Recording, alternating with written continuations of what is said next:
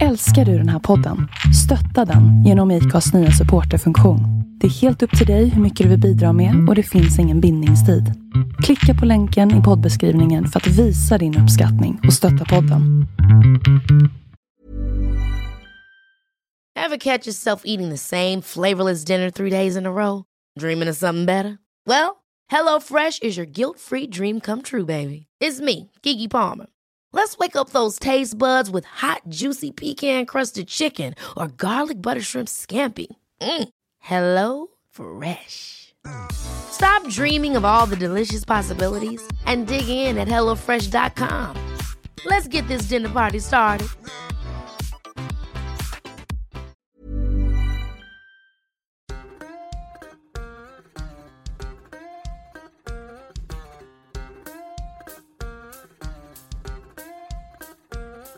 Stefan Holgersson är förundersökningsledare, professor i polisvetenskap och forskare. Eh, en av Sveriges mest meriterade poliser. Han jobbar dock inte som polis. Han är tjänstledig för att det senaste uppdraget han hade som polis var att åka och hämta övervakningsfilmer på ICA. Eh, det, varför detta och mycket, mycket annat, bland annat allmäntillståndet i svensk polis och vad man kan göra åt det, får ni lyssna på i dagens avsnitt av Vi måste prata. Stefan Holgersson är polis och polisforskare.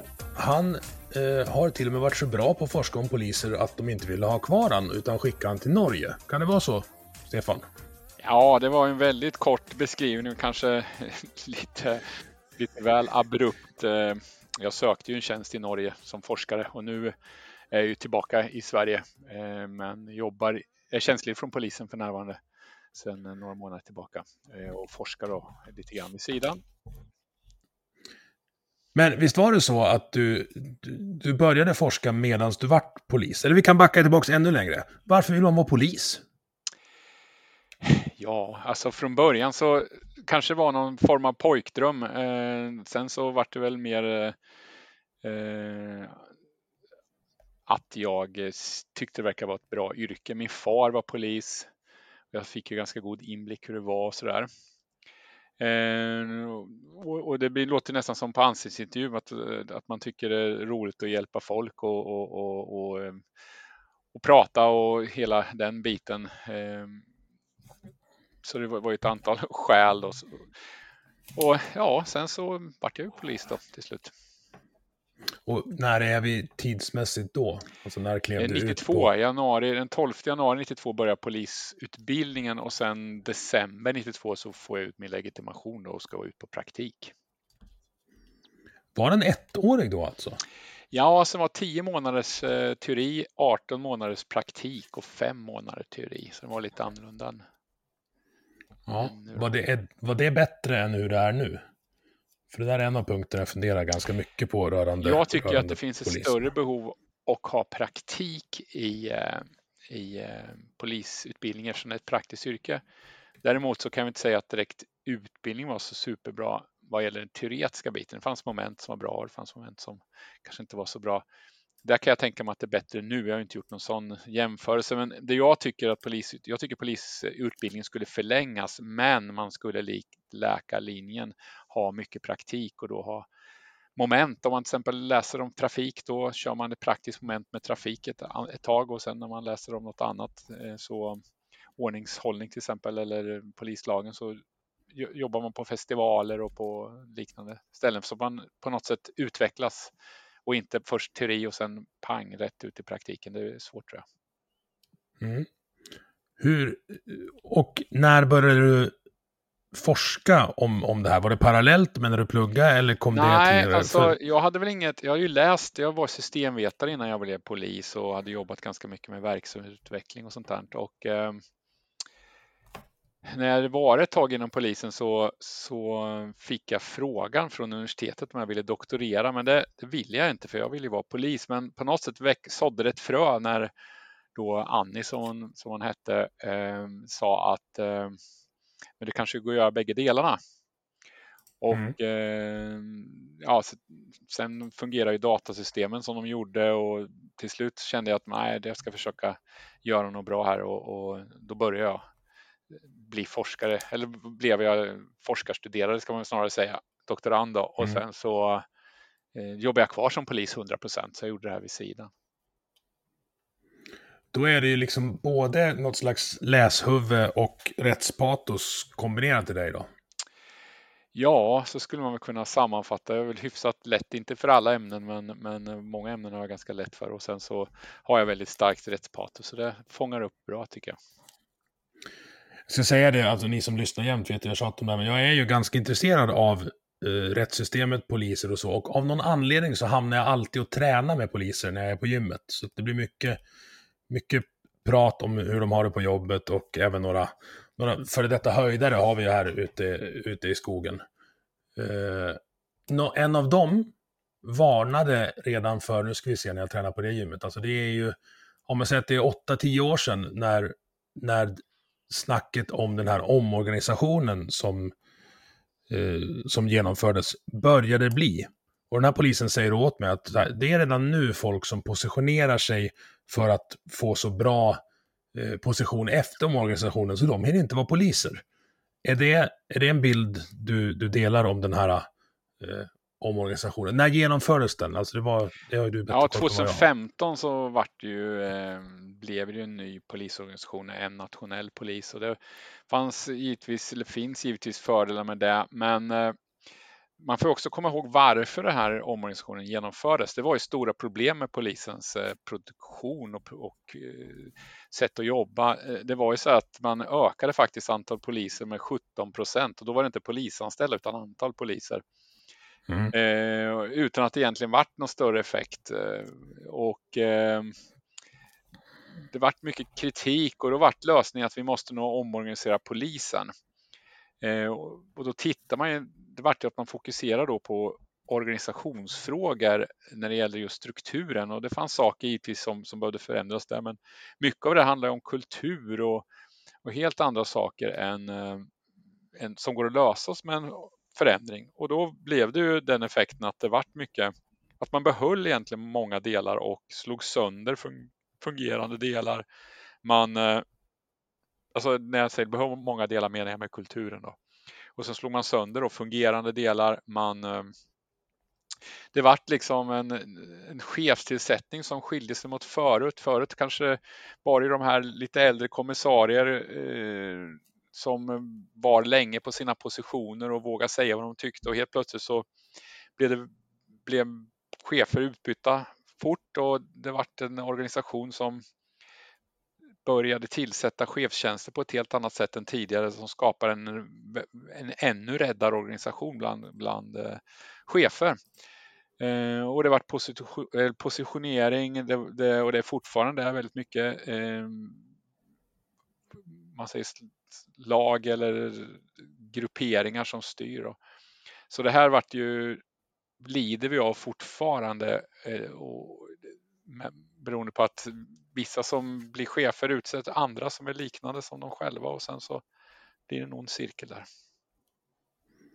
Ja, och du, vi har ju en del aktuella fall nu eh, högt upp med, med staff och, och det här. Ja, du är ju på insidan så jag vet inte hur mycket du vill prata om det, men men det är ju inte förtroendeskapande det som kommer ut just nu från höjdarna. Nej, det har ju blivit fokus på, på en affär där som har ju detaljer som, som gör det lite mer dramaaktigt kanske. Eh, men man får ha klart för sig också att vad det här bottnar i eh, det är ju att det, det här är bara toppen på ett isberg. Det, här är, det finns väldigt mycket eh, fall där man gynnar Eh, personer eh, och många fall där man missgynnar sådana som, man inte, ja, som är obekväma eller kommer med kritik. Det här är ju ett jätteproblem för en organisation som polisen där det är väldigt svårt, ett krävande, en krävande verksamhet där man också är i behov av ständig förändring och då gäller det verkligen att kunna fånga upp problem, fånga upp förändringsbehov. Och det gör man inte nu med den här strukturen och sättet att göra. Så att eh, på ett sätt kanske kan bli något bra av det här eh, om nu inte man lyckas ja, men manövrera ut det genom att eh, lägga ner utredningen direkt eh, utan att vidtaga, vidtaga ja, adekvata utredningsåtgärder och, och, så vidare.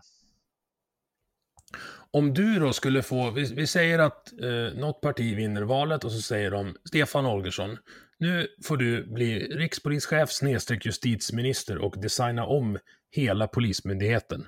Vad är de lägst hängande frukterna man, eller som du skulle ta tag i då? Det är viktigt att få verksamheten närmare eh, befolkningen. Så att eh, jag skulle för det första då eh, göra så att jag skapade mer makt åt lokalpolisområdena. Jag skulle skrota polisområdena som är en man säger, mellansteg mellan region, eh, regionerna och eh, lokalpolisområdena. Jag skulle införa kommunikationscentralerna igen eh, som låg på mer lokalt utspridda.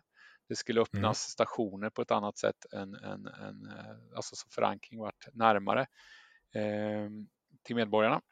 Eh, och sen är det ju hela synen på personalen, att man, eh, att man ser personalen som den viktiga resursen. Det, det, det, är ju bara läpparnas bekännelse nu, man behandlar ju inte dem som den viktigaste resursen.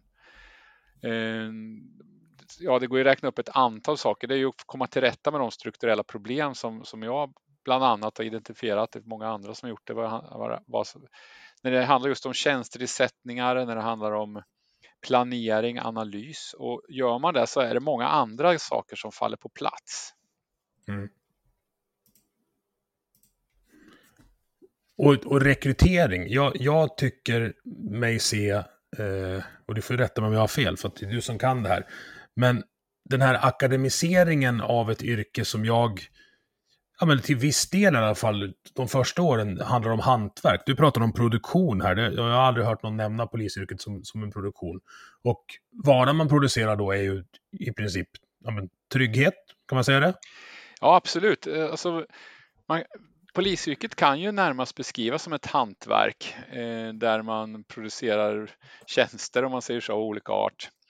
Eh, och där i ett hantverk, det måste man ju lära sig genom pra praktik. Men i och med att det här hantverket innehåller så mycket teori och, så, och är så pass komplext teoretiskt också. Det är lagrum och det som man ska applicera på en verklighet om man säger så. Då. Så krävs det ju, mm. som jag ser en, en, en, en, en akademisering, men inte en akademisering genom att man ska läsa mer och mer teorier utan att man ska göra som läkarlinjen, alltså ha mer, mer, alltså mer praktiska moment än man har i, i polisen nu. Jag kan tänka mig att man skulle kunna göra som, alltså lite som i lumpen, eller den lumpen som fanns när jag gjorde lumpen, att man, man plockar in ganska många, jag, jag, jag tänker så här, eh, någon som jag som kanske inte hade det så roligt i skolan, lärde mig ju jättemycket om mig själv mm. i lumpen, just för att jag utsattes för situationer som jag dels aldrig hade varit i närheten av, men som också var mycket mer anpassade efter den typen av person jag är. Mm. Skulle man kunna så jag är ju generellt emot att sänka kraven på, på polisen. Men förstår du lite, lite vad jag menar? Att du kanske kan få gå på, vad säger beat cop kallar de det i England, vad ska vi kalla det? Alltså patrullerande eh, landsbygdspolis till att börja med. Ja, alltså ja, eh. ja, sen får man ju klart för sig att man har ju sänkt kravet så att det är lägre krav att komma in till polisen om man säger så, eller än det är inom Försvarsmakten till exempel. Eh, ja, har jag förstått. Det jag inte... är konstigt. Ja, jo, och sen man har ju som sagt sakta säk, sänkt olika krav. Alltså det jag menar man skulle göra är ju att man, man, tar, man tar in personer och sen så eh, har man praktiska moment och det innebär till exempel att på sommaren så, så eh, hjälper man till ute i verksamheten med det som man kan hjälpa till med i form av eh, olika former av eh, eh, ordningshållning till exempel tillsammans med äldre poliser. Jag har kört mm. sådana projekt och provat eh, flera år och sett att det funkar att använda studenter på det här sättet redan från egentligen andra terminen. Eh, och eh, då får man ju dels eh, win-win där att man, man lär sig mer och man får nytta av det. Och sen så, så blir det ju också så att det inte blir så teoretiskt och, utan man tycker det är roligare också. Ja, jag tänker så här, jag har många kompisar och en lillebror som är poliser och när brorsan sökte, han var ju ordningsvakt först, då var det ju rekommenderat att inte fortsätta som ordningsvakt under utbildningen. Eh, jag skulle snarare vilja göra tvärtom, att det första du blir när du kommer in, det är att du blir ordningsvakt och sen ut och jobba i den miljön där du ska komma och förstärka upp dem sen. Då får du ju det praktiska, dels är det lite juridik, men också är det den praktiska sociala biten att verka i en sån miljö där, där det kan behövas poliser. Ja, ju, exakt. Det är för, ett sådant förslag som, som, som jag ser är bra, att man, eh, att man har ett moment, om vi säger då ordningshållning, och då får man då i sin utbildning får man en, en ordningsvakts eh, utbildning. Eh, och sen, men sen gör man saker. Jag kan se framför mig att man förstärker på sommaren till exempel där det är väldigt dåligt med poliser på många håll när det är festivaler och liknande. Att man då eh, åker med en buss med 30 stycken och sen så åker man till ett ställe och sen så har, övar man ordningshållning precis som Ja. Eh, ja. man gör nytta samtidigt som man lär sig saker. Det, det, tror jag är en, en framgångsfaktor. För sen är det också det när man har utbildningen som man har nu så är det lätt så att man eh, eh, att det blir liksom, ja, så här funkar det i verkligheten. Så att då saker som är bra som man har lärt sig på utbildningen eh, försvinner då när man väl kommer i praktiken för det äts upp av, ja men så här har vi alltid gjort och så ska vi alltid göra. Så mm. det finns en dubbelvinst i att, att akademisera utbildningen men ha mer praktik och det är precis som du säger, eh, göra praktik, praktiska saker är ju superviktigt i hantverk givetvis. Annars lär man sig inte det. Nej, hur, hur är intaget nu? Alltså vad är det för, vad behöver du ha för gymnasiebetyg eh, för att komma in? Jag är inte precis uppdaterad vad det är för någon gymnasiebetyg. Det kan inte, det, det kan inte... Nej, men duger, duger det med ett högskoleprov bara? För det tänker jag är för oss då dampungar som blev vuxna lite senare än de andra och kanske inte var med på gymnasiet så mycket. Jag tror att vi, det är ganska många av oss som skulle bli ganska bra poliser för att vi, det är liksom vår, vår stam vi ska brottas med. Och oftast ser, alltså jag vet ju själv när jag var 18-19, om det kom en polis som liksom, man, man, ser ju på dem om det är läge att säga emot.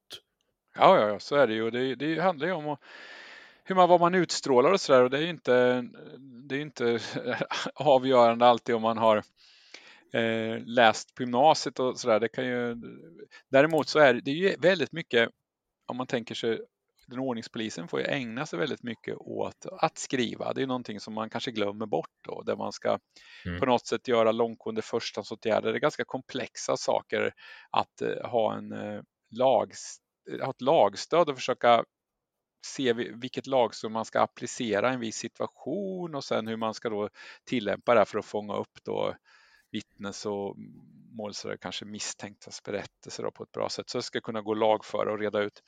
Så det är ganska det är komplext. Men jag, vet, alltså, jag, jag har inte riktigt uppdaterat exakt på vilka krav det är, eh, för det har ändrats efterhand här, så jag kan inte svara på den när det gäller gymnasiet. Nej, och jag, jag, jag är för gammal och uh, för tjock för att söka nu, så jag har heller inte koll på det. Alltså, jag vet inte om du är eh, tjock, men för gammal så är du väl inte? Nej, jag är 43, så det, det, det är nog... Ah, det, jag, har ett annat, jag har precis gjort ett annat karriärbyte, så jag orkar inte med till. Nej, det finns, många, det, det finns många bra yrken och, och roliga och, och ja, också alla yrken har sina nackdelar. Det är även polisyrket och baksidor. Så att, eh, så är det. Jag har, ett, jag har däremot ett skräckexempel på, på eh, rekrytering. Jag har en lumpakompis som jobbar med eh, att utbilda skyddshundar åt eh, ja, både alltså polisen är där, eh, MPI är där eh, och eh, även det går ju att tävla i det. Och eh, han har två eftersökshundar som är liksom så lik, likhundar. Och sökte polis och vart antagen om att det är det bästa vi, vi har hört kom hit, gammal, brand, säga, gammal brandman, ordningsvakt, har egna hundar. Men då fattades det då historia B från gymnasiet, så att eh, han fick inte komma in. Och du vet, då vill jag liksom bara gå ut i skogen och skrika så högt så att han får hitta ut hundarna för att leta efter mig. För att jag, det är, ja. ja men då är det ju, ja exakt, det känns ju som eh, att man eh, kanske har ett system som är flexibelt så att man kan och sen hur man kan läsa in det. Det kanske går att komplettera vissa saker. Ja. Under utbildningen kan man också tänka sig om det är något som saknas. Eh, och sen ska man, har man ju vissa gränser, vissa krav och då kanske är vissa betyg som historia som man kan se vad är det för någon nytta av det i polisyrket. Mm. Eh, och medan det kanske är andra saker som, som är viktiga kanske att ha då, en sak som, som är Så bra är i maskinskrivning bara- till exempel. Kanske Nu måste- ska, nu ska inte du få, få eh, stå till svars för, för allt, för jag vet att du är en av de som driver på för att det ska bli bättre. Men jag, har- jag har lite andra, an- nu när jag får chansen, jag har lite andra teorier på hur det skulle kunna bli bättre som jag vill, som jag vill passa på att prova på dig.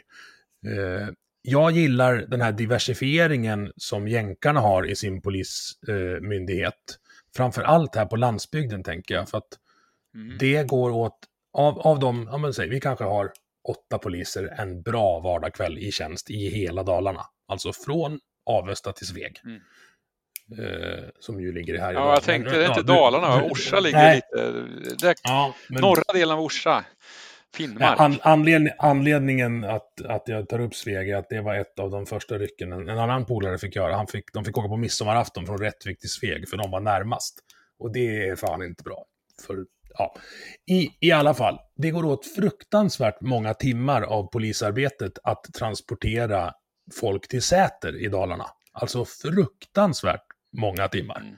För att det är bara polisen som har mandat att, att liksom låsa in dig bak i en bil och skjutsa dig dit du ska om du är på väg att, att ha sönder någon, något eller dig själv.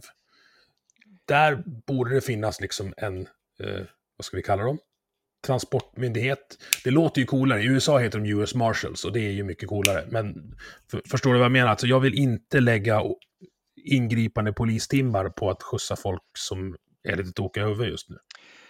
Nej, alltså det, det finns ju en mängd saker. De har ju pratat om att renodla polisverksamheten och sådär. Och, och sen är det också hur man, att huvudman då för många, eh, huvudmannen för vissa av de här eh, ärendena är ju en annan än polisen, men man använder polisen som en transporttjänst och det har jag varit med om flera gånger tyvärr och i min, både som polis och när jag har forskat också som polis.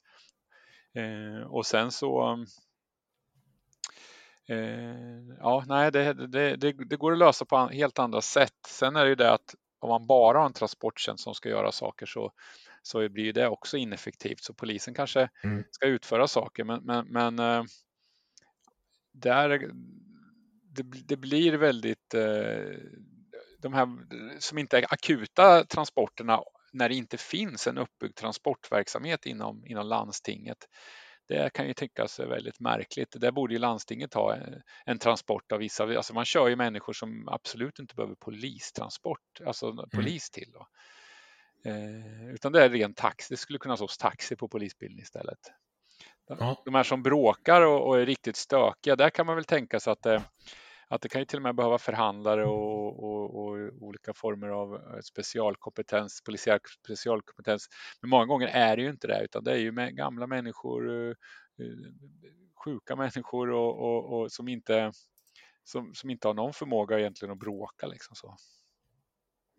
Ja, jag tänker, de som bråkar också ett mer ordningsvaktsuppdrag. Det är inte så avancerad juridik i nio av tio. Du ska in i bilen och sen ska du in på sjukan. Ja, men sen är det också det här att kunna lirka. Alltså att istället för att du behöver slåss så kanske du kan prata in, in en person och det vinner ju alla på och där kan ju Ja, oh ja. det kan ju uppstå farliga situationer. Så, att, så att det, är, det är det som, är, som jag upplever det svåra i polisyrket, att man vet egentligen inte vilket uppdrag som är enkelt. Om man tänker sig att man ska ha några som, som åker på fyller och, och sådär. Va? Så man vet inte vad den där fyllan är. Det kan vara ett mord eller en, en, en våldtäkt eller någonting. Mm, utan det jag ser är snarare så att man, att man måste ha eh, alltså att de som är i polisbilen måste bli fler i förhållande till hur många de är nu och hur många Mm. anställda det finns inom polisen. Alltså, det har ju varit sådana exempel att man tittar att det kommer in 400-500 på en polisstation och sen kommer det ut två polisbilar och det kan man fundera på om det är en bra fördelning egentligen. ja, jag tror att jag har funderat klart. Ja. Jag tycker inte, jag tycker inte Nej, nej, det, det, det uttryckte jag kanske lite försiktigt där, men jag tycker inte heller det givetvis är bra. Sen finns det ju många olika funktioner i polisen som behövs, men, men just det är väldigt mycket chefer, mellanchefer, eh, administra administration som, som inte handlar om då kanske hjälpande administration utan andra former av admi- administration då, som Mm. eh, nästan tillskapar sig själv ibland. Ja, det blir ofta så. Det är inte bara ett polisiärt problem. Det tror jag man ser i alla, eh, allting inom den offentliga sektorn, att eh, de som vet vad som skulle kunna effektiviseras bort är oftast de som, om de slår larm, blir bort effektiviserade. Så det har de ingen lust med alls, utan de sitter och, sitter och hittar på saker att göra. Nej, det finns ju den här Parkinsons law som man brukar säga, mm. den här som tittar på engelska flottan. Eh, eller rättare sagt har det som ett exempel att, eh, att det blir färre och färre fartyg men, men större och större eh, administration. Mm. Kolla på sjukhuset, det är så här, hur många kommunikatörer kontra läkare anställer vi den här veckan? Det är, det är inte den balansen som man, som man skulle vilja ha. Nej, alltså det finns du... en mängd i hela offentliga sektorn här och för lärare också att det är väldigt mycket annat än, än då undervisning som ingår och, och, och, vissa saker behövs ju och andra behövs faktiskt inte. Och det, det tror jag man måste se över den här dokumentationshetsen liksom som finns. Mm. Jag gillar det här du sa tidigare om att, att föra tillbaks besluten, som jag tolkar i alla fall, alltså närmare eh, nästan ner på kommunal nivå. Mm. I, I dagsläget så får ju kommuner inte anställa eh, poliser. Jag skulle nog vilja, kanske inte kommuner, men på regionnivå, eller ja, kanske ner på kommuner, då skulle ett politiskt parti kunna gå till val på att ja, men vi vill ha två stycken fasta poliser i Leksands kommunhus som har ja, sovande jour i alla fall. Det går fortare att få ut dem i byarna än att ringa hit någon från Falun-Borlänge. Vad, vad, tror du om den idén? Ja, alltså om man tittar på i skattsedeln så betalar egentligen medborgarna på många ställen någon slags polis i form av ordningsvakter. Då. Mm. Eller, eller, eller väktare. Och, och eh, tittar man på egentligen när man gör en jämförelse med andra länder med polistäthet och sådär så har ju det blir väldigt svårt att jämföra länder på det här sättet för i, i många länder så utför ju polisen det uppdrag som våra väktare och ordningsvakter gör. Mm. Och den, den, den, sektorn är ju väldigt, väldigt stor. Eh, och där kan man väl mycket väl tänka sig att, att det skulle vara bra att eh, att kommunen hade större makt att få, få poliser istället då för ehm, och, och även tillsammans med då väktare och ordningsvakter. Eh, och där behövs den lokala förankringen. Men här har man gjort väldigt stora eh, organisationer som, som inte har den här förankringen. Jag tycker kommunikationscentralerna är ju hjärtat i verksamheten. Att man ringer så vill man inte hamna. Ja, men ringer man från från Mora, liksom, då vill man ju hamna på en kommunikationscentral i Mora där man vet eh... Ja, I varje fall inte längre bort än Falun, som i alla fall vet var Färnäs och Oxberg ligger. Så man inte behöver förklara det från början. Nej, alltså du, nu hamnar du ju nere i, eh, i Örebro va? Ja, jag tror att det är våra. Eh, och är det fullt där så kan man bli kopplad vart som helst. Ringer man 114 14 då har man ingen aning om man hamnar. Nej, nej exakt. Så, så att du, du hamnar liksom ju i. Det är liksom ett steg ifrån att det blir ett indiskt eh, callcenter snart. Nej, du hamnar i Region Bergslagens regionala ledningscentral och, och, och den är ju Örebro. Och då, men som sagt, man kan hamna var som helst och man kan få frågan, ligger Falun i Dalarna? Liksom? Alltså det, i, mm. i princip. Eh, jag har ju sådana fall. Då, men framförallt då tappar man den här lokala förankringen och som gör att man får ett ineffektivt polisarbete. Och jag hade faktiskt en rapport där jag studerade Östersund, för det var den sista centralen som hade kvar en lokal förankring. Mm. Eh, ligger inte jättelångt från Dalarna, men eh, och där Alltså man får en mycket, mycket effektivare verksamhet. Man tar vara på sin personal bättre, man kan hjälpa medborgarna bättre Eh, Eh, och det går att lösa stora case också genom att använda virtuell teknik. Det är alltså inte, man kan ju koppla ihop numera, det är ju det som man gör på i en flygledartorn och liknande. Det går att göra så inom polisen också fast man har en lokal förankring istället och kopplar ihop när det blir jättestora grejer. Men eh, det här, polisledningen är helt emot de här typerna av, av förändringar som jag ser är nödvändiga faktiskt. Vad är deras bästa argument för att inte göra det då? Finns det något bra? Eh, de bästa argumenten är ju att man eh, inte svarar överhuvudtaget. Alltså man, man har inte, man för inte fram. Om det är bäst så var ja, ja, men man, man, tar, man ser det som en icke-fråga liksom, som man, som man uttrycker det. Eh, och, och, när man inte kan diskutera saker och föra fram saker och, och, så blir det väldigt svårt att få bra lösningar och det, då har vi den verksamhet vi har också. Man ska säga ja till, till det som ledningen säger och säger man nej eller, eller kommer med alternativ så, så blir man ifrågasatt. Och pratade med en kollega igår som, som, som karaktäriserar det här med att man har missuppfattat i polisledningen vad så, skillnaden mellan lydnad och lojalitet.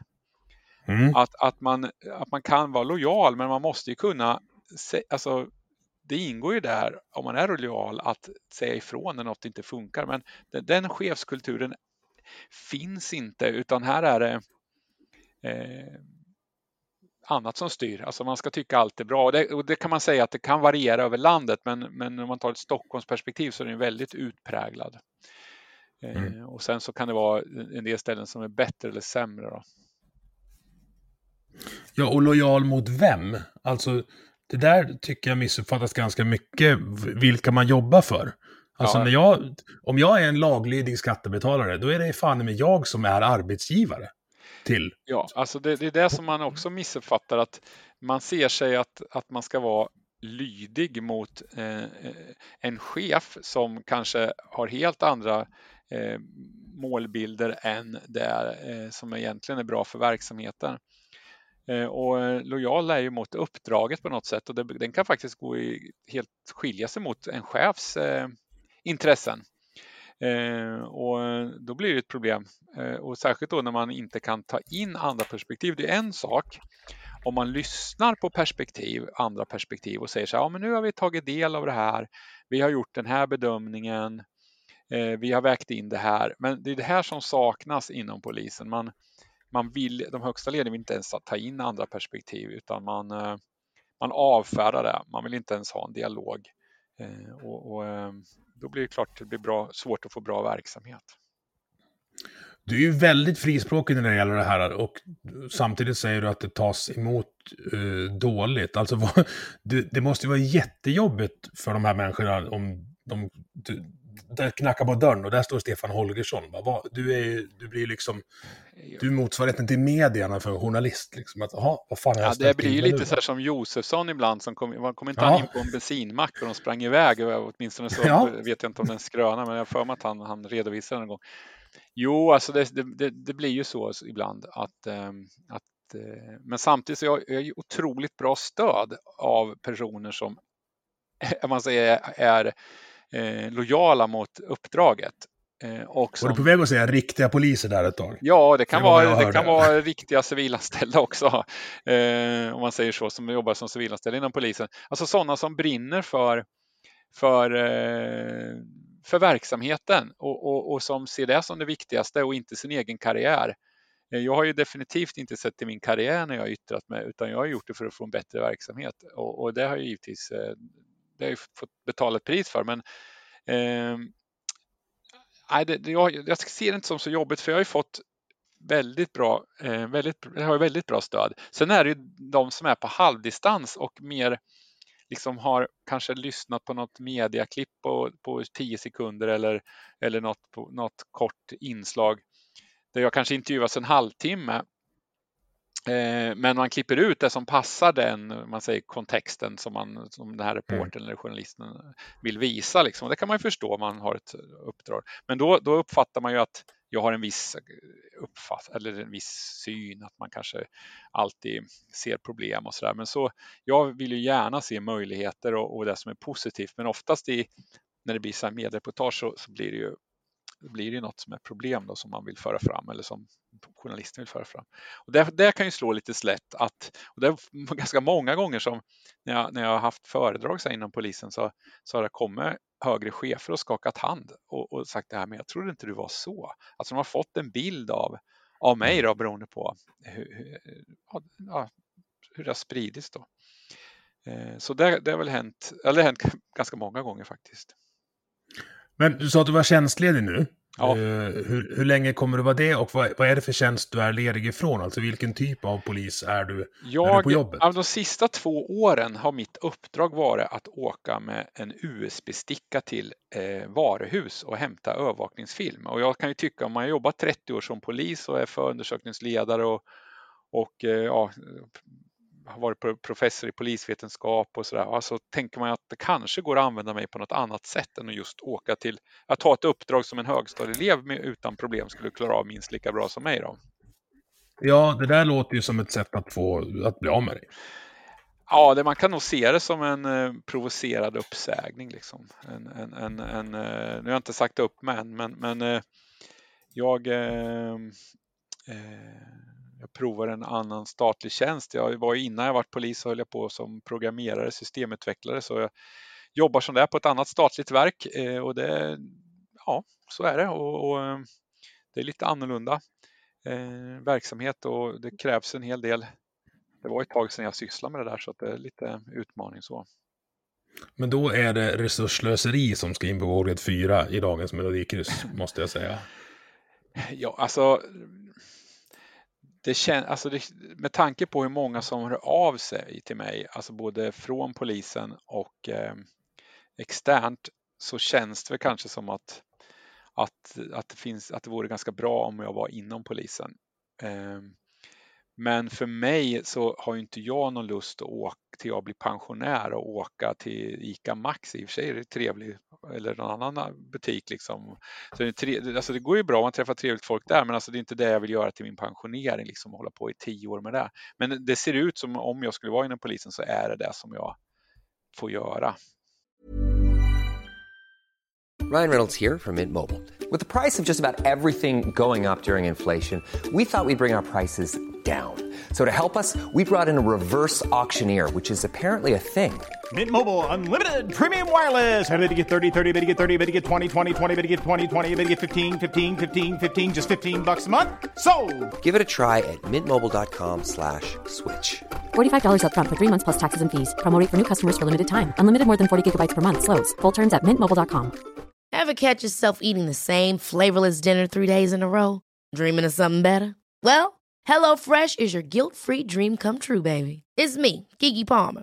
Let's wake up those taste buds with hot, juicy pecan-crusted chicken or garlic butter shrimp scampi. Mm. Hello Fresh. Stop dreaming of all the delicious possibilities and dig in at HelloFresh.com. Let's get this dinner party started.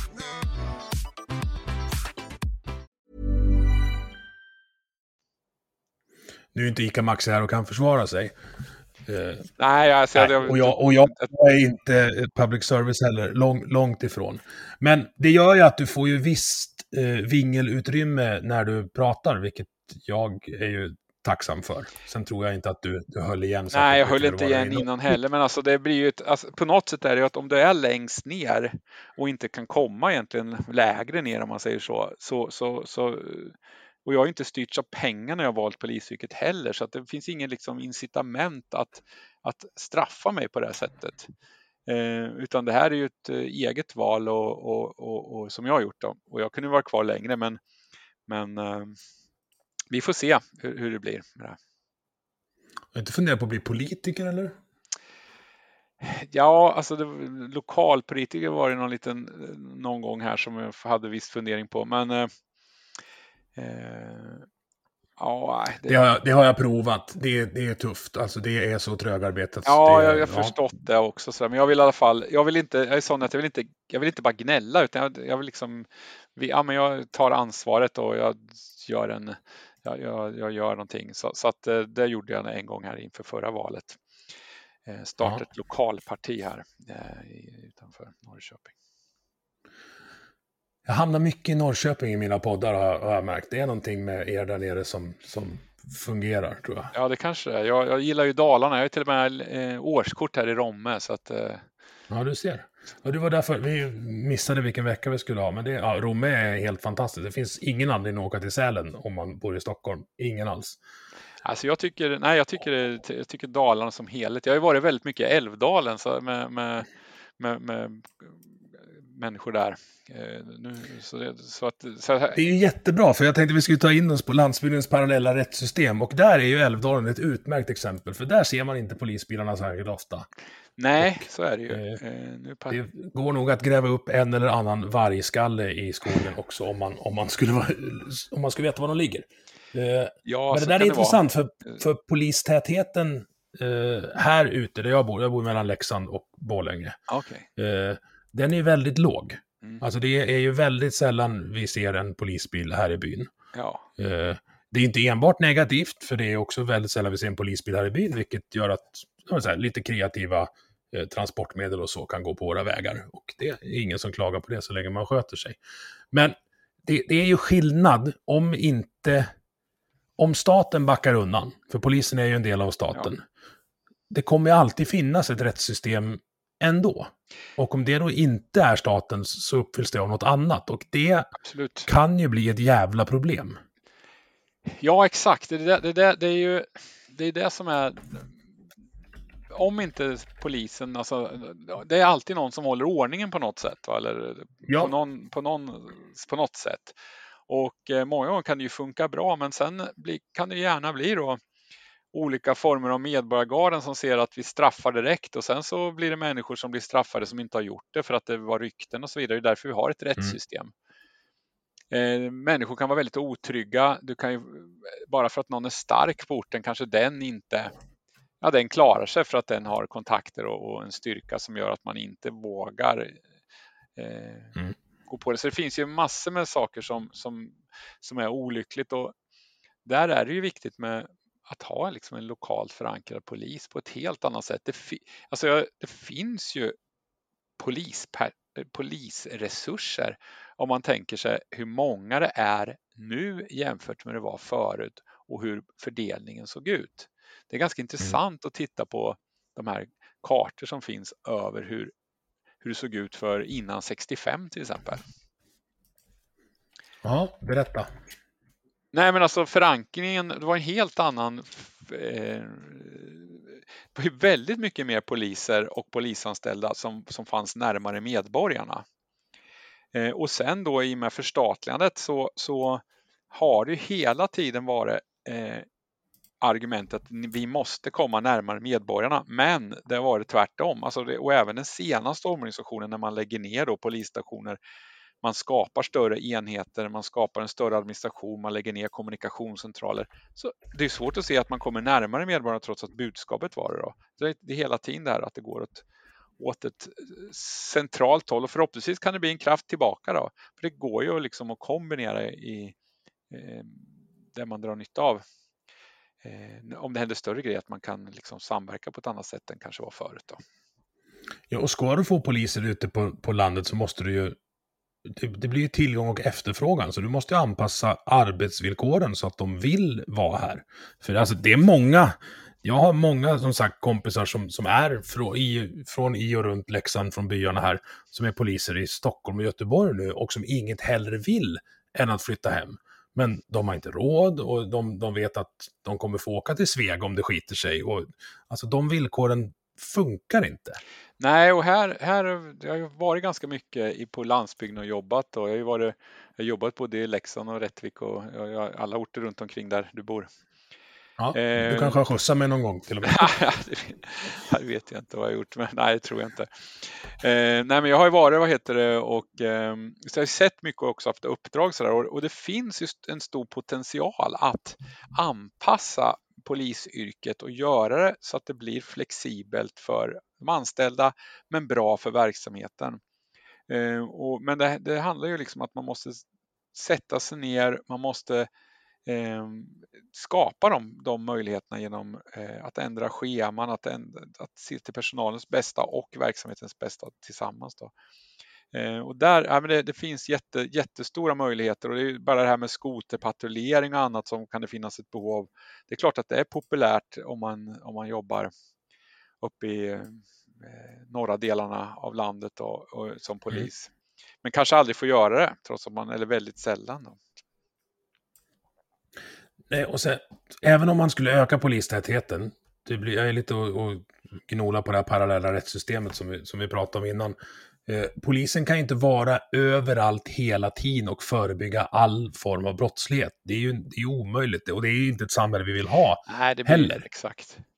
Men, men du, måste, ju, du måste ju tillfoga någon slags moralisk aspekt till och jag tänker, jag tänker så här, om man, om, man, om man försöker tänka sig in i hur de proff, eller så här, kriminella tänker. Nu kan ju du säkert bättre än mig, men jag tänker att det finns någon slags ekvation där du har faktorer som risk för upptäckt, eh, risk för att, att du ska illa dig själv medan du håller på och sen, eh, vad ska jag säga, straffvärdet eh, i förhållande till hur jobbigt du tycker att straff är, kontra vad du kan få ut av att göra det här brottet. Säg att det är liksom någon grövre grej, som ett, som ett bankrån till exempel. Problemet vi har är att för vissa av de här människorna så är faktorn av straffet är noll. För straffet är inte jobbigt, straffet är semester. Så konsekvensen av brottslighet är ingenting man är rädd för. Alltså det är om du i den mån du skulle konsekvensutsättas. Och det man får då är ju en livsfarlig jävel helt enkelt. Ja, alltså det är svårt där för att i vissa fall så är det inte, det är inte så mycket rationalitet bakom handlingar heller. Om man tittar på ungdomar som kör väldigt illa så, så det farligaste de, det de kan råka ut för är egentligen att dö eller köra ihjäl andra. Men där är man ju liksom, det, det händer ju inte enligt deras egen eh, bild. Och samma Nej. sak är det ju med ett antal kriminella att man har inte den där riskbedömningen, den saknas liksom. Och då blir ju inte heller rationaliteten därefter, eller då blir rationaliteten meningslös liksom. Men sen är det de som gör väldigt rationella val givetvis. Eh, och sen är det som är påverkade inbrott, inbrottstjuvar som överhuvudtaget inte kanske gör rationella val eh, eller åtminstone gör dem väldigt, med väldigt begränsad information. Liksom, sådär. Mm. Eh, så det, det, det, är svårt men, men jag kan ju se om man tänker sig eh, med det här med hur man ska få mer poliser så hade jag ett förslag att man skulle skräddarsy vissa utbildningar. Alltså att man sa så här att kom till, eh, börja jobba i Mora här i, i ett, ett, halvår eller ett år så kommer du få en eh, du kommer få en, eh, en utbildning i eh, att bli, eh, ja, få en jägarexamen eller sånt där. Mm. Och sen får då de här, de här poliserna som, som är från, kanske från Stockholm eller från andra ställen, eh, då, då är de där och jobbar på i, utryckningsstyrkan. Men det finns liksom ett, ett, en tanke bakom att ja, men när du är här kommer du få utveckla dig själv på det här sättet. Mm. Så att folk får söka sig, liksom, som att man verkligen, det finns ju väldigt stora, på mindre orter finns ju väldigt stora saker som många av de här yngre poliserna verkligen tycker är kul. En del gillar att åka skidor, mm. en del gillar att vara i skogen på andra sätt, en del gillar mm. mountainbike. Ja, det finns ju sådana förutsättningar att skapa väldigt ja, bra. Men du har ju hela kustremsan med, med alltså du har ju skärgård hela vägen upp till Bottenviken. Ja, ja, du har massor. Om, otroligt om många. Men att se det här, liksom anpassa eh, när de säger att man inte vill vara på vissa ställen, ja men det är att man har anpassat det på ett dåligt sätt. Och, till, dem, till hur det ser ut. Och det, det hoppas jag att det, att det blir en sån syn. Jag, jag, jag har propagerat för det, tyvärr så, så är ju är ju högsta ledningen, där är de ju inte lyssna någonting tyvärr. Men det, så, det är det jag att säga. Så, så där är det svårt att nå fram. Då. Men förhoppningsvis så går det att få fram, få fram sådana ja, saker i slutet. Jag, jag, förstår vad du säger. Jag tror, man får ju lite samma effekt om man skulle öka lönen. För då kan man ju lägga de extra pengarna på den verksamheten man, man tycker är rolig. Istället för att man ska ja. baka in. Nej, men dels behövs ju folk som är placerade liksom på vissa orter. Då. Men sen för att just ja. få den här förstärkningen, det är kanske är svårt att rekrytera i vissa fall, då, så, så kan man ju skapa eh, ja, lockelser som, som är under en viss tid som gör att, att man får en hela tiden en förstärkning till, till områdena utan att tvinga folk dit. Då. För nu är det ju ibland, mm. känns ju som ett straff om man hamnar i vissa orter, men det behöver inte vara så om man får välja själv och det är lagt upp på ett bra sätt. Så det, det... Nej, precis. Men är, är du intresserad av skidåkning, ja men då kanske du ska vara eh, i någon Vasaloppsort. Eh, ja, absolut, jag, jag, alltså, det går att få en jättebra grej och, och, då innebär det att du kanske är där även på sommaren och vår och höst i en viss period. Men, och då uppbyggasträning, teknikträning och man lär sig saker liksom sådär. Mm. Eh, samtidigt som man eh, är porten och sen så eh, ja, så får den ordinarie polisen lite, lite förstärkning på det sättet. Så det finns ju möjligheter att få en täckning på mindre orter. Eh, och sen är det också hur man organiserar verksamhet som vi pratar om, administration och rationalitet och sådär. Ja, och du måste ju få folk att vilja vara kvar också som är poliser, för det är, ganska, det är tyvärr Exakt. ett ganska stort utflöde. Och kanske inte gömma undan för, för undersökningsledare på ICA Maxi, tycker jag också låter skitdumt. Ja, alltså det, är ju, det kanske inte är optimala för folk att behålla människor i, i, i, ehm, i polisyrket, men det här struntar man ju fullkomligt i. i alltså, man, man, på individnivå. Sen så att man säger så att man vill ha mer poliser, ja men hur tänker ni då när ni gör tvärtom? Liksom? Ja, och ibland går det från poliser till polisanställda eh, ganska sömlöst eh, i samma förslag när man märker att det inte funkar. Det är ju definitionen av hyckleri. Exakt. Jag vet att vi är lite under tidspress, men jag vill prova en sak på dig innan du ska få åka och hämta på förskolan. Eh, jag bor på en grusväg. Längst in på den grusvägen bor en änketant. Mm. Eh, jag skulle vilja beväpna henne. Beväpnande, okej. Ja, jag tycker hon ska haft en, alltså 9 mm eller möjligtvis en, en eh, Sig Sauer 22 lång eller något. För att rullar in en liten skåpbil längst in där så är det ingen som hör henne skrika. Och hon kommer definitivt inte hinna eh, ringa polisen. Och om, det, om hon hinner ringa polisen så kanske de är i Sveg. Eh, vad ska jag, så här, säg emot mig. Eller Ja, håll alltså man kan ju säga att beväpningen i sig kanske gör att någon kommer dit och vill ta vapnet. Ja, ja, det- ja det, är, det är möjligt. Nu är det ju så att de har ju oftast tillgång till vapen ändå. Eh, buset, Ja, tänker jag. Jag vet inte om vapen är, är alltså. Jag vet inte om det är det bästa skyddet. Risken är att de skjuter dig när du är snäll och ska vad heter det, hämta tidningen eller något sånt där. Alltså det är ofta, Jag säger ju inte att vi ska, att vi ska ge det till idag utan utbildning. Men jag, alltså så här, jag, jag tycker att vi bör i varje fall titta på att man ska få ha en pistol i självförsvarssyfte även i Sverige. Okej, ja, jag, jag nog, kan nog säga. Alltså det, jag, jag tror inte att det, det är inte den typen egentligen av, av ehm, om man tittar vad folk råkar ut för Ja. så är det ju inte den typen av, av, av hjälp som, som, som behövs. Eh, om man tittar på självmord eh, som skulle underlättas, eh, tillfälliga aggressioner som skulle kunna vara farligare. Alltså det, det finns så många baksidor. Det är rationella argument, det är det verkligen. Ja, det, det finns så många baksidor på det. Jag förstår hur, hur du resonerar, men, men jag har svårt att... Alltså det, då, det, då, ehm, då är det tillbaka det här med, med medborgargarden kanske också då till slut. Mm. Att man Men ser, de dyker ju upp när det, när det blir liksom en glitch mellan, vad ska vi kalla det, det allmänna rättsmedvetandet och det de ser i, i, i möjlighet att få hjälp med. Mm. Alltså det är Medborgargarden eller för den delen typ Dumpen.se eh, Mm. dyker inte upp i ett vakuum. Alltså de dyker ju upp för att det, det, det finns en lucka någonstans. absolut. Eh, och den fylls ju då av något. Eh, jag tycker det är... Men jag tycker det är lite jobbigt. För att är inte jag hemma eller den andra grannpojken, eh, då är det jobbigt längst in på grusvägen om någonting skulle hända. Ja, alltså det, det förstår jag. Sen är, sen är ju liksom, eh, då får man ju tänka på andra typer av skydd då, vad man kan göra. Hur länge man kan Ja. klara sig och sådär och vad, vad, vad det finns för någon. Det finns ju liksom mm, andra typer som är mer eh, kanske avskräckande och, och, och samtidigt mindre farliga om man säger så. Då. Det är inget, jag begär inte att du ska komma med en lösning på, på Nej, men det finns ju grus- mycket- det grusvägsproblem. Det finns ju också att sätta upp en bom på vägen så att, så att man får gå till exempel dit. Ja. Det hindrar ju intresset av att knalla för vissa är ju ganska lata liksom. Ja, så är det. Nu har vi inte haft något inbrott eh, sen jag flyttade hit, så det, det är liksom inget överhängande. Men jag tycker om att ha den principiella diskussionen om, om eh, hur, hur good guys också ska kunna eh, ha det bra när staten liksom försvinner lite grann ur...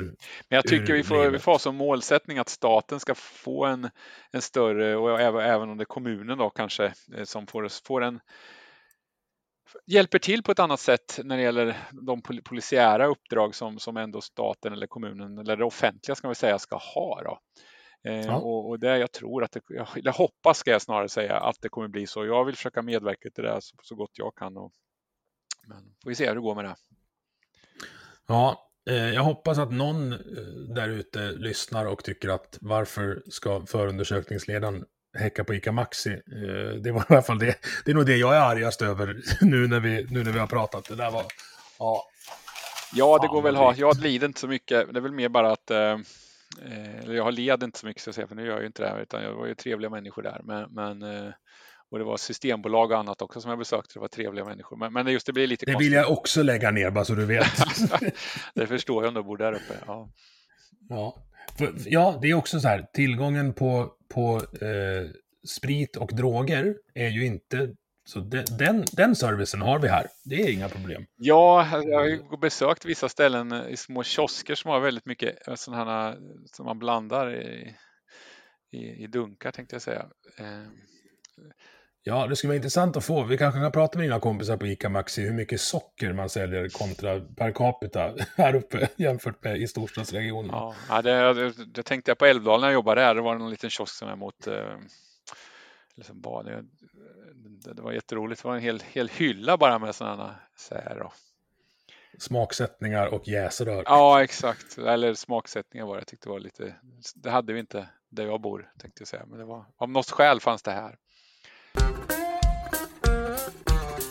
Nu är det alltså del två i det här, för att när jag lyssnade igenom och skulle redigera så fick jag massa frågor eh, upp i huvudet. Det, det vet ju ni som lyssnar att det är fullt där i vanliga fall också. Eh, men eh, jag har också en del lyssnarfrågor som, som vi ska ta med av. Vi slutade med att jag ville beväpna grannkärringen och det var du lite skeptisk till. Och jag tycker att du har en del poänger i det som, som vi pratade om för en vecka sedan och som jag, jag och lyssnarna precis, precis har hört. Men jag tycker inte att vi bottnar för vi behöver ha någon ja, någon annat form av skydd, svarar du. Och jag funderar på vad det skulle kunna vara. Jag, skulle, jag vill ju inte beväpna grannkärringen, men jag, jag vill ha ett bättre alternativ. Ja. Ja. Eh... Och jag förstår att det är en supersvår fråga. Alltså. Är... Nej, men alltså när man tittar på, på skyddsfrågor så måste man ju titta i det specifika fallet. Det är, det är svårt att yttra sig om eh, om eh, alltså i generella termer utan då måste man ju titta på hennes eh, situation och, och var hon bor och vad hon har för hot mot sig och, och, och sådär. Va? Och det finns ju vägar. Vi är ju ett beväpnat folk. Ett av kanske Europas mest vapentäta länder. Ja, om man räknar med... studsare och ja, hagelbössor. Och de är ganska, jävligt dåliga, vad ska vi kalla, home defense weapon, kallar jänkarna det. Det är det är nästan två meter rör som du ska svinga omkring med i en hall. Så att det är inte att rekommendera. Nej, exakt. Men, men om man tittar på, på skydd och sådär så måste man ju titta dels eh, den upplevda hotbilden. Precis. Och där kan jag ju se att de som är mest rädda är ofta de som är minst risk att de blir utsatta. Det, ju, det visar ju forskning. Ja, så är det. Och det är också de som kanske har eh, minst eget våldskapital, så att säga. Ja, exakt. Alltså, är, jag, är, är jag hemma så blir det inget rån i den här gården. Det är lugnt. Men hon är ju ensam och liten. Ja, man kan inte säga heller att det, att man, att man, att det inte blir, att det inte blir något rån när man är hemma. För man, det beror ju på vem som har det där intresset. Alltså är det en grupp på åtta personer som är beväpnade och maskerade så då får de ta det de vill, utom ungarna. Ja, ja exakt. Och, och, och, och jag menar, Eh, det går, det går att tänka sig olika hemska scenarier som jag också varit med om, eller jag är inte med själv, men som jag har inblick i, då, där, där man eh, gör otroligt eh, hemska saker när det är barn inblandade. Eh, så, så, men, men, men man måste liksom, det finns ju en upplevelse av ett hot, det finns en upplevelse av brottslighet. Eh, det finns en upplevelse av som, som inte stämmer riktigt med den risk som finns. Och där är också ett sätt att jobba med, alltså att man, att man tittar lite mer på att man ser riskerna för vad det är. Eh, och också vilka personer som kan tänkas ägna sig åt den här typen av brott. Om man tar upp oss er, om man säger så, som ändå har jobbat en hel del som polis, Eh, utan att peka ut enskilda individer så, så, när jag var där så, så är det ju allmänt känt ett antal personer som eh, har en hög brottsfrekvens i, oh ja, i området. Vet vi. Ja. vi vet precis vilka Man vet vilka de, det är. Eh, och men de, förlåt. de kissar ju inte när de äter oftast, eh, tycker jag. Inte när det gäller inbrott och så, utan det känns väl som att det är turnerande sällskap.